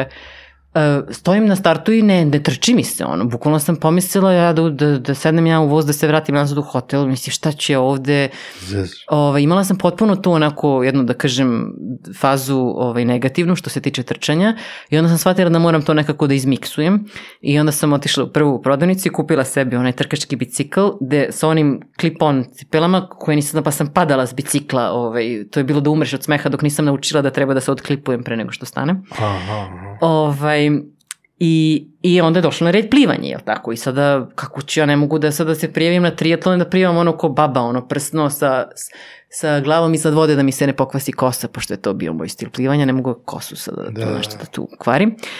I ovaj, I našla sam nekog klinca od jedno 19-20 godine koji je bio instruktor plivanja deci u tom lokalnom bazenu u New Jerseyu I, ovaj, I došla kod njega na časove i sad ovi klijenti su sve roditelji koji dovode ono dečicu u liku pre i posle mene i ja sedim tako matora krava na klupi i čeka moj red. I maltene se pretvaram da sam roditelj koji čeka decu jer mislim sramota me je bilo da kažem da sam ja ta što treba da uđe u bazen. I on je mene naučio ovaj, da plivam. I onda sam se prijavila ima što je kao US Masters to je kao e, e, plivanje program kao trening gde uđeš u kao klub sa ovaj, sa onim trenerom, razumeš da imaš ono sve strukturirano, tačno se zna koliko plivaš, kojom brzinom, koliko, tri sekunde pauze, pa ponovno, mm. mislim. I ovaj, I onda sam krenula da treniram i to je onako jako lepo išlo i onda sam se tako prijavila prvo na one kraće, one kao sprint triatlone, pa onda one kao Olympic distance i onda sam stigla do uh, polu Ironmana i, i onda je došla Danska jebi ga. I onda mi se promenio život, pošto sad me toliko ono odvlači, ono heavy metal i to, tako sam rešila da, mislim, da se treniram za, za puni Ironman, oduzeo bi mi život, skroz to se trenira ono po dva puta dnevno i to prodala sam sve bicikle, batali. Tako da vraćam se ovaj, trk, trčanju, samo ovo ostalo može ovako, da kažem, Eto, kad odem na more. A čekaj, baš za Kopenhagen se priča da je biciklistički grad. Jeste, tačno. Dolazi nam e, moj prijatelj je pozdrav Kristifor Manču o, sledeće godine u Kopenhagen da ovaj, uradi e, Ironman triatlon. Aha. Ovaj, ali ja sam nekako sada to ipak rešila, sve sam dosta im iza sebe, držimo se trčanja, ovaj, kako da kažem, eto, pokazala sam da Čak mogu. ne ni onako rekreativno što se bicikla tiče. E, Pa imam rektično ovaj babski bicikl ovaj za Kopenhagen, to, to. da, to imam naravno, ali ove Ulični. prave, o, da, ove trkačke, one Aha. kao i one kao, ima, imala sam više tih bicikala, one sve carbon fiber, sa onim tri bars, one što onako legneš skroz onako Da. nisko, sve te neke ono aerodinamične stvari, sve sam prodala, sad smo ušli u drugu fazu života. Ali dobro, što da ne, mislim ja nekako, kako da kažem, ja štrikliram nešto tako, eto, kao ne mogu, ne moram da guram sve do kraja. Pa da, ali dobro, da si ostalo u Americi, vjerojatno bi završila Sigurno, Ironmana, sigurno. sigurno. Da. I već sam znala tačno i koji ću i već sam bila ono, napravila sebi plan treniranja i onda se desio taj exit i je, Mhm. Covid te zatiče u Kopenhagenu? da. Kako je tamo to bilo? Pa u početku je bilo dosta strašno zato što niko nije, nije bilo ono ko Švedska imala onako ona jako liberalan pristup gde su mogli da se kreću da nije bilo uopšte nekakvog lockdowna. U Dansku jeste bio lockdown i ja sam u to vreme živela sama i naravno radiš od kuće, zatvorili su taj coworking space i moj život se sve ono na prodavnica i nazad, mislim stvarno je bilo onako jako ovaj, depresivno i ovaj, kako se zove, ništa naravno ni službena putovanja, ni sve, sve je prestalo, znači bukvalno eto ti tako, ovaj, kauči, kreveti i prodavnica jednom, ono, jednom, dva, da ono nešto nestalo bilo od toalet papira kako su svi krenuli da kupuju. živi su. To je bio Da, da, prvo su- to kupovina. su Ne bile- daj Bože da nema toalet papira. Ja. Da, evo i, i dalje mi je uspomene, nejasan. srećne uspomene. I dalje mi je nejasan. Ono, fascinacija toalet papirom i krizom. Znači, Da. šta ljudi prvo kupe? Znači, ne kupuju ni vodu, ni brašno, toalet papir. za svaki slučaj. ovaj, ali, pa da, eto kako se zove, to, to je nekako došlo, nije, ovaj, nije to nešto dugo trajalo. Mislim da Danska se dosta brzo otvorila, već tog prvog leta su krenuli koncerti, oni su potkazivali sve te festivale. Ja sam tog leta imala karte za pet uh, muzičkih festivala, ništa se nije održalo, to je bilo jako ovaj, strašno. I ovaj, Će ti vratili pare. Uh, jesu za nešto, za nešto su zadržali pa je dve godine kasnije ovaj, bio festival pa je kao to bilo. Ovaj, I bilo ono kao, ne znam, moraš da, ako ustaneš, pa odeš, na primjer, do bara da kupiš piće, da staviš masku, ali ako se, pošto su bili oni kao sedeći koncerti. Aha, I onda ono kao, distancom, da, i onda ovi što su u prvim redovima, oni mogu da headbanguju, ovi sad već u sledećem redu malo je teže, jel, udariš ovaj, ovu stolicu ispred, tako da što se toga tiče morali smo da budemo ovaj, ono, uspravni. Ovaj, ali nije nekako bilo to mnogo, sad mislim, nije, ne znam, u Danskoj bilo ne znam koliko nešto smrti i to, tamo je onako dosta je narod što se toga tiče, ovaj, lako prošao, ajde da kažem. I ono u Italiji, znaš šta je bilo, ono, Da, da, Španiji i tako. Ovaj, tako da, eto, i onda, ovaj, pa dobro, tu sam onda, kako se zove, nekako i naučila sve te ovaj, vrednosti i prednosti i mane rada od kuće, mnogo više nego pre, zato što pre pandemije, ja sam ja to bila od kuće i ne znam, coworking space, ali sam ja bila na putu službenom minimum jednomesečno, često i više. I imala sam tu neku promenu u sredine, stalno nešto ovo, i ono sad ovo je Da, bilo onako, da. sad sedi ovde stalno i ovaj, tako da e, taj deo je bio onako malo bez veze. Ali dobro. A sa druge strane priča da radiš u Pfizeru od tada pa nadalje.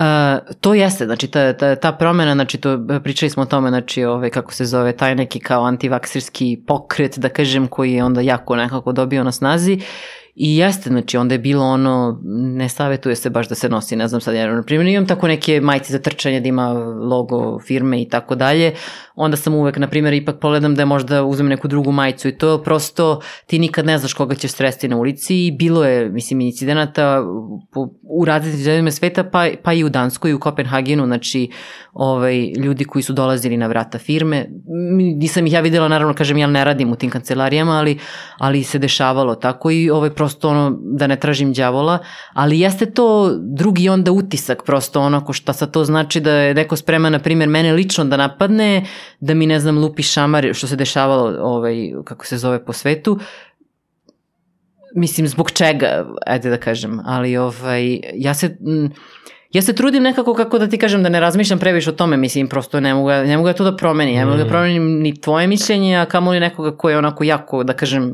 Da, zastranio u tome. Ovaj, šta da radim? Znači onako poštujem svačije mišljenje, ali onako live and let live, mislim pusti ti mene da, da radim ovo što radim. Ali ima ljudi koji su odlazili iz Pfizera tako, zbog tih stvari. Ne znam. Hm, nemaš pojma. Koliko ja znam, ne, Mm. ali sad, da li je bilo, mislim, ne znam, negde u sve, mislim, ne znam. Mislim, Da, ne, u ogromna- mom odeljenju nije. Da, da, Ne. ogromna korporacija, da. Ove, a koliko brzo se Kopenhagen otvorio za posle covid E, pa znači, eto kažem, već e, tog negde prvog, to, te 2020. godine, znači negde, znači juli i avgust su krenuli koncerti, Mhm. e onda je postao, po, postao drugi lockdown, e, kad je ono počela zima i to kad je opet Mhm. krenulo da raste i onda negde, na primjer, od, ajde da kažem, a, maja 2021. onda je bilo potpuno otvoreno, više ništa, maske, ništa, ništa, ništa, to je potpuno onako sve je bilo onako možete hoći. E, mi smo se jako puno testirali, to je bilo, Mhm. znači zemlja uložila, bila jako puno para u to. I onda imao si one kao, kao COVID propusnica, da kažem ti imaš ono na telefonu kao da si ono sveže testiran Mhm. i ovaj, mi smo se svi testirali ono po dva, tri puta nedeljno, samo da imaš taj test da ti uvek svež, pošto on istekne posle, ne znam, tri dana ili lup, ne sećam se više. I, ovaj, I ti svuda, znači u svakom gradu, u svakom selu imaš te neke kao ovaj, prostorije gde samo uđeš, ono ti ubaci onaj test, razumeš, za 15 minuta ti stigne rezultat i ti si ono ažuriran i ti sa tim testom možeš u bilo koji restoran, na bilo koji koncert, sve ti je ono otvoren. Tako da u tom smislu mi smo ono živjeli mnogo normalnije nego neke druge zemlje da je i dalje bilo ono sve maske, ne znam šta ono. Ja čak Ovdje i ono bilo bilo to, u to vreme kad ono odem u Srbiju, pa ovde i ono i dalje su neke maske i to ja sam ono bila, brate, ja nemam, nemam masku. Mm. Dobro, posle su i rekli da su maske najslabiji zaštita. Ove, tu je bilo dosta isto kontroverzije. E, a kod nas je bilo nešto tipa u 7 sati dolazi konobar da ti traži da li imaš na telefonu bar kod da si se vakcinisao, ako si se nisi vakcinisao ideš kući, ako je se vakcinisao taj možda ostane u kafiću. Da, do 7 sati znači ne važi, a posle toga jedan put virus krene da šiba. to, su, to su bile onako po, posebno interesantne priče. Ove, Ali pazi, nekako, ja kapiram, razumeš da to nije bilo lako i da je svaka zemlja pokušavala najbolje što je znala. Niko, razumeš to, nije, prosto nezačno sad jedan put vidiš, brate, tu nešto, razumeš, cepa ljude, u ljudi umiru, razumeš, nešto se širi i onda ono, ti stručnjaci, epidemiolozi, ko već, razumeš, su ono najbolje što su mogli, gledali, ajde ovako, onda malo nauče, vide ono po slučajima, aj sad malo ovako, je, dosta su, menjala su se pravila. I globalno i svaka zemlja imala neka svoja i onda ali prosto onako kad, kad ne znaš onako kad niko ni, mi nismo ovo imali od ne znam ni ja tamo nekog onog one španske groznice ili šta znam niko nije znao Pa kako nije, sad s tim Nije, nije, nije, znaš. Nije, bilo je, da, bilo je do duše procena, ova, e, to čak i Soderbergh napravio film na osnovu nekog, a, na osnovu procene Svetske zdravstvene organizacije kako će biti novi virus. Onda to je bio jedan od izvora teorija zavere, ono, e, eto, predvideli su da će da bude tako. Mislim, nije, ono, jako je blizu u principu onoga što se desilo. da nisam gledala film Ove, zaraza, fenomenalno, ima onako plejada glumaca, ceo ansambl, Matt Damon i ekipa. A, ali se već predvide, ono što je interesantno recimo, e, da je na osnovu tog filma e, britansko ministarstvo zdravlja naručilo više vakcina, da ne bi pravilo, e, da ne bi napravilo haos prilikom administracije vakcina. Aha. Tako da, recimo, ali kao na osnovu tog filma i na osnovu onoga što se manje više ovaj, dešavalo. Tako da, uh, kako to izgledalo iznutra? Sav taj haos. Firma koja treba da se, pri, da se prilagodi uh, potpuno nov, novoj priči, a sa druge strane je jedna od firmi na koju se gledalo da iznađe rešenje. O, pa znaš kako, sad, ja ja nisam bila konkretno deo tog tima za vakcinu, tako da ja sam to isto gledala, da kažem, ajde, više sa strane, možda ne toliko sa strane kao neko ko nije u firmi, ali opet, Dobro, ti si moraš, tvoj deo je još teži posle da se to stigne stvarno do ljudi. Pa da, ali opet, znači, taj deo što stiže do ljudi, znači ja nisam radila na, na vakcinama, znači ja sam u to vreme radila sa tim proizvodima interne medicine, aha, tako da u tom aha. smislu nisam bila direktno uključena ni u šta vezano za vakcinu. Aha. Ali, ove, kako se zove, ali pa jeste onako, kako da kažem, delovalo kao da sada nešto je uh, jako bitno i jako urgentno i, i moraju onako svi da se zaista posvete tome i ovaj, oni su povlačili zaista onako najbolje, najtalentovanije ljude koji su radili ono što se kaže around the clock danonoćno, da to, eto, da to stigne na svetlost dana. I to je uspelo i to je stvarno onako fenomenalan poduhvat. Uh, strašno je bilo onako e, interesantno, mislim, pobediti to kao ne može, da ovo nikad nismo uspeli, ovo je nemoguće i, ovaj, i onda su onako ljudi stvarno onako se, znači mislim, ne znam, lupam se tada to, taj leadership, razumeš, da onako je govorio stvarno, neću čujem ne, brate, ne može ono, moraš da smisliš način kako ćeš ovo da izvedeš. Moraš se bude ono ko Steve I, Jobs, da ono, izvrnu stvarnost, ono. Pa jeste, i zato što ako nešto nikada do sada nije urađeno, to ne možda ne znači da je nemoguće, ali prosto da možda je potreban veći napor ili ono thinking outside the box ili ne znam ni ja, ali, ali eto, bilo je mm. moguće, na kraju se pokazalo. Tako da, eto, koliko god je to, na primjer, sa strane donalo tu neku stigmu, ono, da ne možeš da nosiš majicu Pfizeru u okviru ono, firme, imaš taj neki ponos, kao, razumeš, ono, ta firma za koju je sada je čuo svako, ja sam eto kao deo toga. Ja ništa nisam doprinula toj vakcini, tako da tu ne mogu da uzmem nikakav ni komadić slave, mm -hmm. nažalost. Volala bi da jesam, ali nisam, kažem, ja sam za to vreme. Ali, ali opet je meni onako važno da kažem, dokle god se sve to dešavalo, Pfizer pravi još milijardu, ne milijardu, ali dosta drugih lekova koji su isto stizali do, ono, do pacijenta, e, ja sam, ja sam radila deo toga. Ja sam radila ono da ostali deo koji je business as usual, da ti pacijenti kako da kažem, ne trpe zbog toga što je dosta ljudi fokusirano na vakcinu. I ovaj, kako se zove, a i to je na neki način neko herojstvo, da kažem. I ja tako sebe tešim. a često ima tih situacija kada znaš, dok jedan deo ekipe nešto mora da napravi dok je neki haos, neki ljudi moraju da se brinu i da neke stvari da se nastave, znaš, i onda, tako da često u stvari ponekad treba nastaviti kad je teško.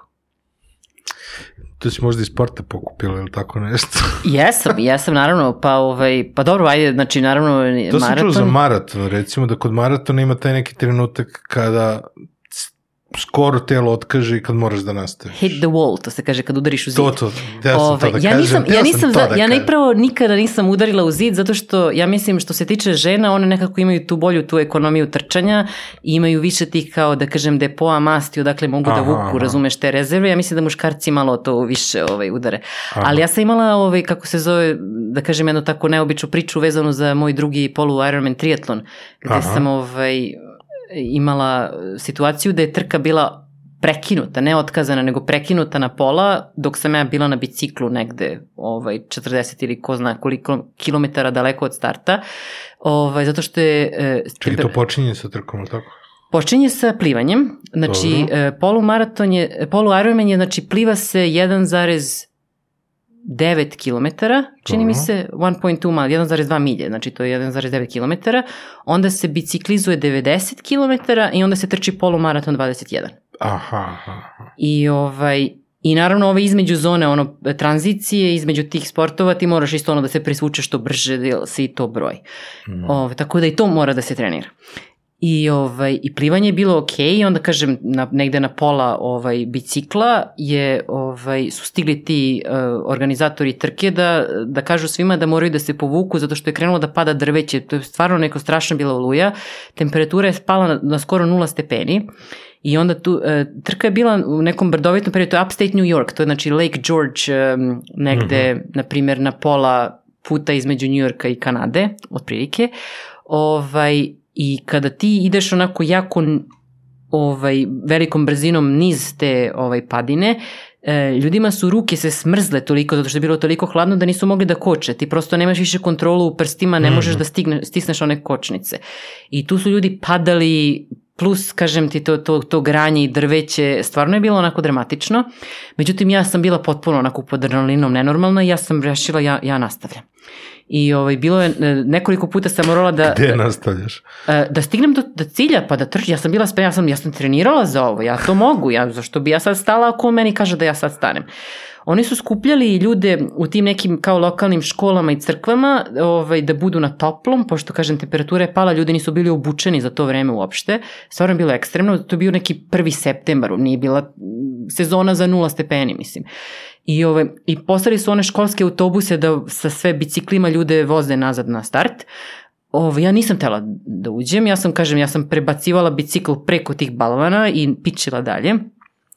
I, ovaj, I navodno je drugarica koja je bila tamo sa mnom da me ovaj bodri, krenula po tim nekim tim kolektivnim centrima da me traži, pokazivala moju sliku, ono, have you seen this girl?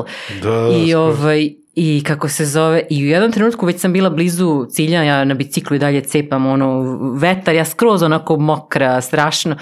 Ovaj, ona izlazi onako iz, iz svog džipa sa, ovaj, sa onom kabanicom, onako gumenim čizama, honey, are you okay? I ovaj, ja joj samo kažem, beži, beži, pusti me, vidimo se na cilju. I onda sam shvatila da nisam na kraju mogla da završim i trčanje. Ovaj, stigla sam biciklom kroz cilj za taj deo, ali oni su već sve bili uklonili. Ja više nisam, nema, nema ničega tamo. Oni su sve razmontirali. Ovaj, stavili su one neke metalne kao burad neku gde su upalili vatre da se ljudi greju. I ja sam tek onda shvatila da sam bila potpuno ono hipotermična. I oni su mene krenuli da skidaju, to je onako na sred neke poljane, mislim, i to je oni meni skidaju odeću, ja sam ja bila potpuno onako mokra ovaj, ja sam bila, meni, ono, vilica mi se tresla, ja nisam mogla ruke da podignem ovako da mi svuku to sa mene, da me stave neku suvu odeću, koliko sam bila, ovaj, ali, ali sam opet rekla sebi, eto, ja koliko sam god mogla, ja sam, ono, izgurala do kraja, više nego skoro svi drugi ovaj, koji su bili na trci. Tako da... da si dobila neko specijalno priznanje za to? E, nisam, ali isto e, interesantno se desilo ranije na toj trci, pre nego što su prekinuli, ovaj, kako se zove, ja sam, već je, već je bila krenula ta oluja i ja sam prošla ovaj, kroz neku baru i nisam videla da je bio, bila onako rupčaga u putu i meni je otišla guma. Mm -hmm. I ja sam već bila smrznuta zbog tih temperature i nisam imala osjećaj u prstima da zamenim. Ti, se isto vežbaš ko sve trening triatlona da moraš jako brzo da promeniš gumu da nastaviš. Mm -hmm. I, ovaj, I niko nije teo da stane. Ti drugi ovaj, takmičari koji su tad još nije bilo toliko, ali ovaj, kako se zove, samo su ono cepali i jedan je stao.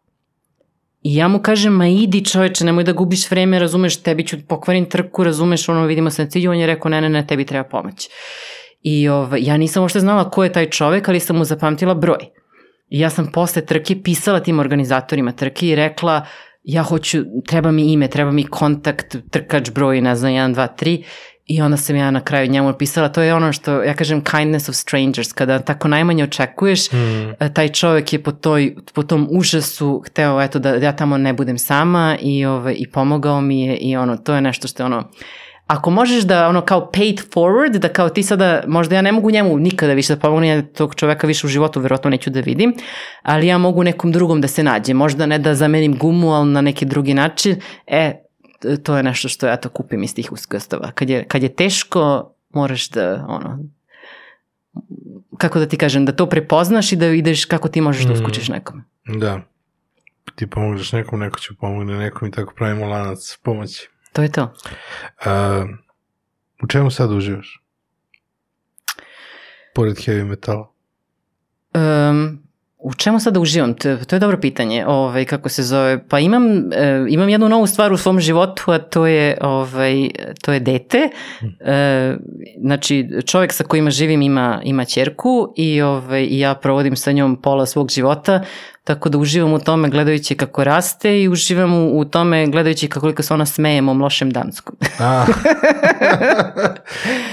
Ovaj, to je onako nešto što je, to je za mene bio dosta veliki izazov. Ja sam pre toga onako malo, kako da kažem, nabadala danski, ali nisam imala potrebu da pričam, jer su svi moji prijatelji govorili engleski, tako da apsolutno je bilo potrebe da se ja šaltam.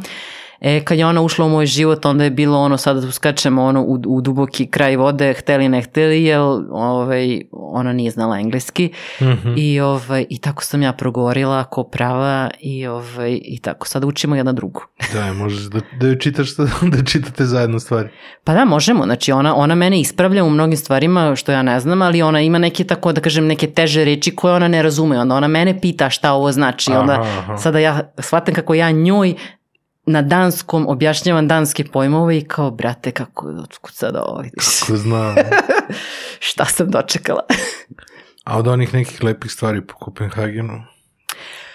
Jao, pa ima previše toga da se spomene. Znači, ovaj, Kopenhagen ima super uh, prostor za život koji je jako lepo dizajniran, koji je pravljen nekako po meri čoveka.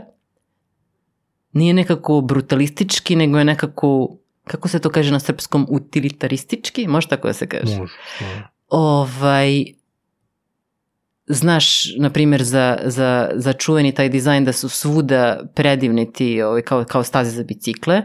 To znam, to sam video. Ono, XY Ovaj- slika toga i kroz one parkove i sve živo. Parkovi, jezera, plaže, ali ovaj, nekako, ne znam, eto, ljudi, ljudi tako vole da, da uživaju u ono što se kaže, ima, ima to nešto i u norveškom fri- friluftslivu.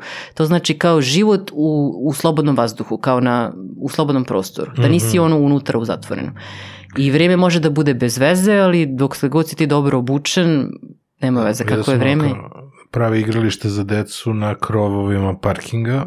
Jeste. To sam vidio, vidio sam Ni- nisam shvatio precizno. Copenhill je elektrana na kojoj je napravljeno brdo, ali tako? Uh, Copenhill je uh, postrojenje za uh, spaljivanje otpada. To je kao, da kažem, nije deponija smeća, nego tamo gde se smeće uh, ono, topi. Postrojenje celo. Postrojenje Dobro. cijelo, znači fabrika koja ima ono odžak na vrhu, jer gori đubre unutra, ovaj, a na vrhu je ski staza. I može da se skije u Sa koje doba godine. Sa ono gornje i spoljne strane, ali tako? Sa cijele gornje strane ima žičara, ima sve i možeš da dođeš, iznajmiš skije i da se spustiš lepo niz krov uh, postrojenja za... A to prirodna trava veštačka, kako su taj da uradili? A to je sve veštački. Pa da, Aha, mora da, ovaj, da. da. bi išle skije. Aha. Ovaj, kako se zove, i super je, onako potpuno mislim, luda ideja, ali ovaj, kako se zove, danci što se toga tiče, što se dizajna tiče, isto prilično hrabri. Ne gledaju da li ovo može i da li je ovo bilo, nego samo kažu ono, što da ne. Jel ti nedostaje sportski bicikl? Kad se voziš tamo ili ti je tamo okej taj ono, ulični? Ne nedostaje mi. Mislim da mi je čak bio problem zato što kad si ti tako jako nisko na tom sportskom biciklu, od tebe se očekuje da si negde ono, na slobodnom putu da nema crvenog svetla, da nema pešaka, da nema buseva.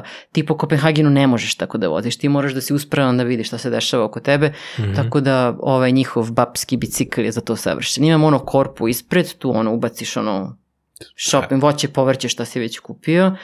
Savršeno, mislim, to je, to je ovaj život. Jedino ovaj, kako se zove, po dva para rukavica zimi za svaki slučaj, jer prsti znaju da mrznu i Ali to si već prošlo. to sam već prošla.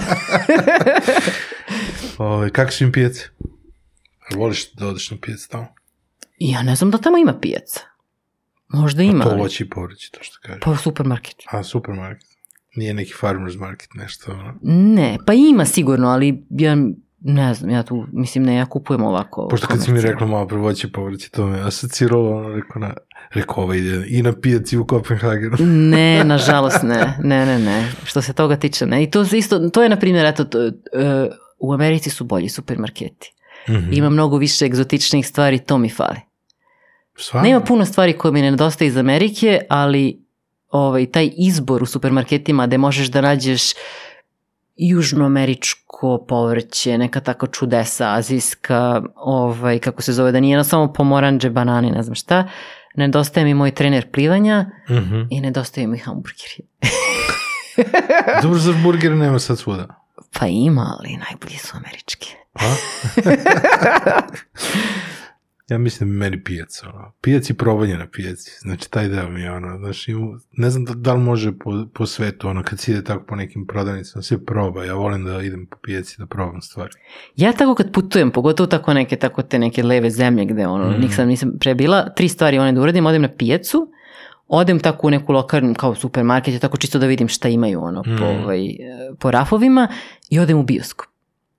Zezaš. Da. Čak i ako je ono sinhronizovan film, idem čisto ono da, da osetim vibe. Sam.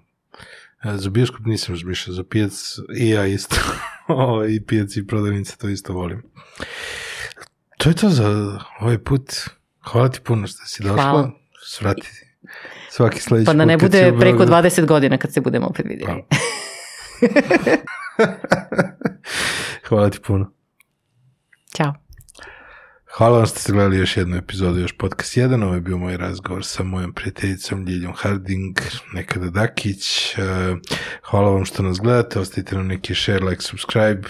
E, Hvala našim sponsorima, Beans Coffee uz koji sam pričao, sa Ljiljom, Scandinavian Design Center u čijim smo stolicama sedeli, Grooming Mastersu, koliko vam treba neki poklon za muškarce, da li za bradu ili za kosu, e, JPJ 15 je popust od 15% u koji treba da unesete tokom prilikom kupovine. To je bilo to. Slušamo se i gledamo sledećeg četvrtka. Ćao, čao. Bye, bye.